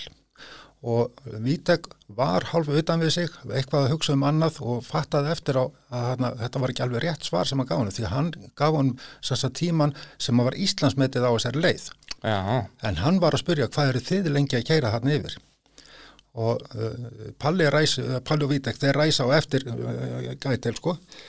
Nema að þegar að þeir eru búin að keira lungaða leiðinni býti gætil að þá fatta þeir sko vist, með við tíman sem að víta gaf upp að þá hljóta þeir að hafa tekið tværi að þrjár mínútur og síðan samt alveg að ná þeim. Og þeir eru að tapa sætunu þannig að þeir gefa allt í rauðabotn þess að fer vel á, þetta var rauðabíl og náttúrulega flundur út í mó og skemmti bílinn eitthvað að töpu öðru sætinu þannig að, að þarna á hvítri lígi að þá unnu þeir eitt sæti í, Rally Reykjavík. Já, Já taktik alls konar. Hún er uh, svolítið spiluð. Lappa fram hjá bílkeppinu eins og þurk, þurka á speiklunum, baksinu speiklunum Já, já. og það er ímislegt gert sko. þetta sko, já, já, þú veist að byrja að taka fyrstuleg rólega og gefa síðan í og allt þetta sko. Já, já, já, já, vill á sér heimildir. Nei, þetta var, uh, þetta var mjög uh, spes og sérstaklega uh, af því að þetta voru bara pjúra Já, mistök þetta var ekki Víkberg, víta eitthvað reyna að vera leiðilegur Nei, alls ekki. Hann ætlaði að sko, vist, þeir voru ekkit að hugsa um annarsæti, Nei, þeir nei. voru að hugsa um það að vera í fyrsta sæti á Íslandinguna sem þeir voru, Já, já, en voru ekkit að pæli hinnu tveimur. en það voru einhverja fjórar mínútur ef mann rétt. það getur passað en það er náttúrulega sem Asta mikið hraðar næstkvartinn Já, já, já, Bara- og náttúrulega gætir var svakalega góður aukumæður líka. heldur betur Palli var góður aukumæður en hann var alltaf sparsamur. Já. En, en það sást það á bílnum, það, nei, það sást ekki á bílnum, það sást aldrei á bílnum. Já, já, hann, var, hann átti alltaf nóinni Já, Það er bara svo leið, svo líka á impressunni þegar hann kemur aftur hérna 2000 og hvað er það, 7? 2007. Hann Nei, reyndar ger- 2008 2008, já. Hann reyndar gerði ein mistök, velti bílnum einu sinni og rak hann einu sinni utan í. Eskortin nei, uh, Nei, Subaruin. alveg rétt á lengdalsiðinni Já, en uh, hvort vekja skrifast á það að hann einfallega bara kunni ekki á semst að þennan bíl. Já, það var fyrsta keppnina sem bílum með það ekki? Jú, Hann á lengdalsiðinni 2008 akkurat, akkurat. Það er svolítið svo leiðis Heyrðu fæðið minn, það er bara frábært að fengið loksins í spjall.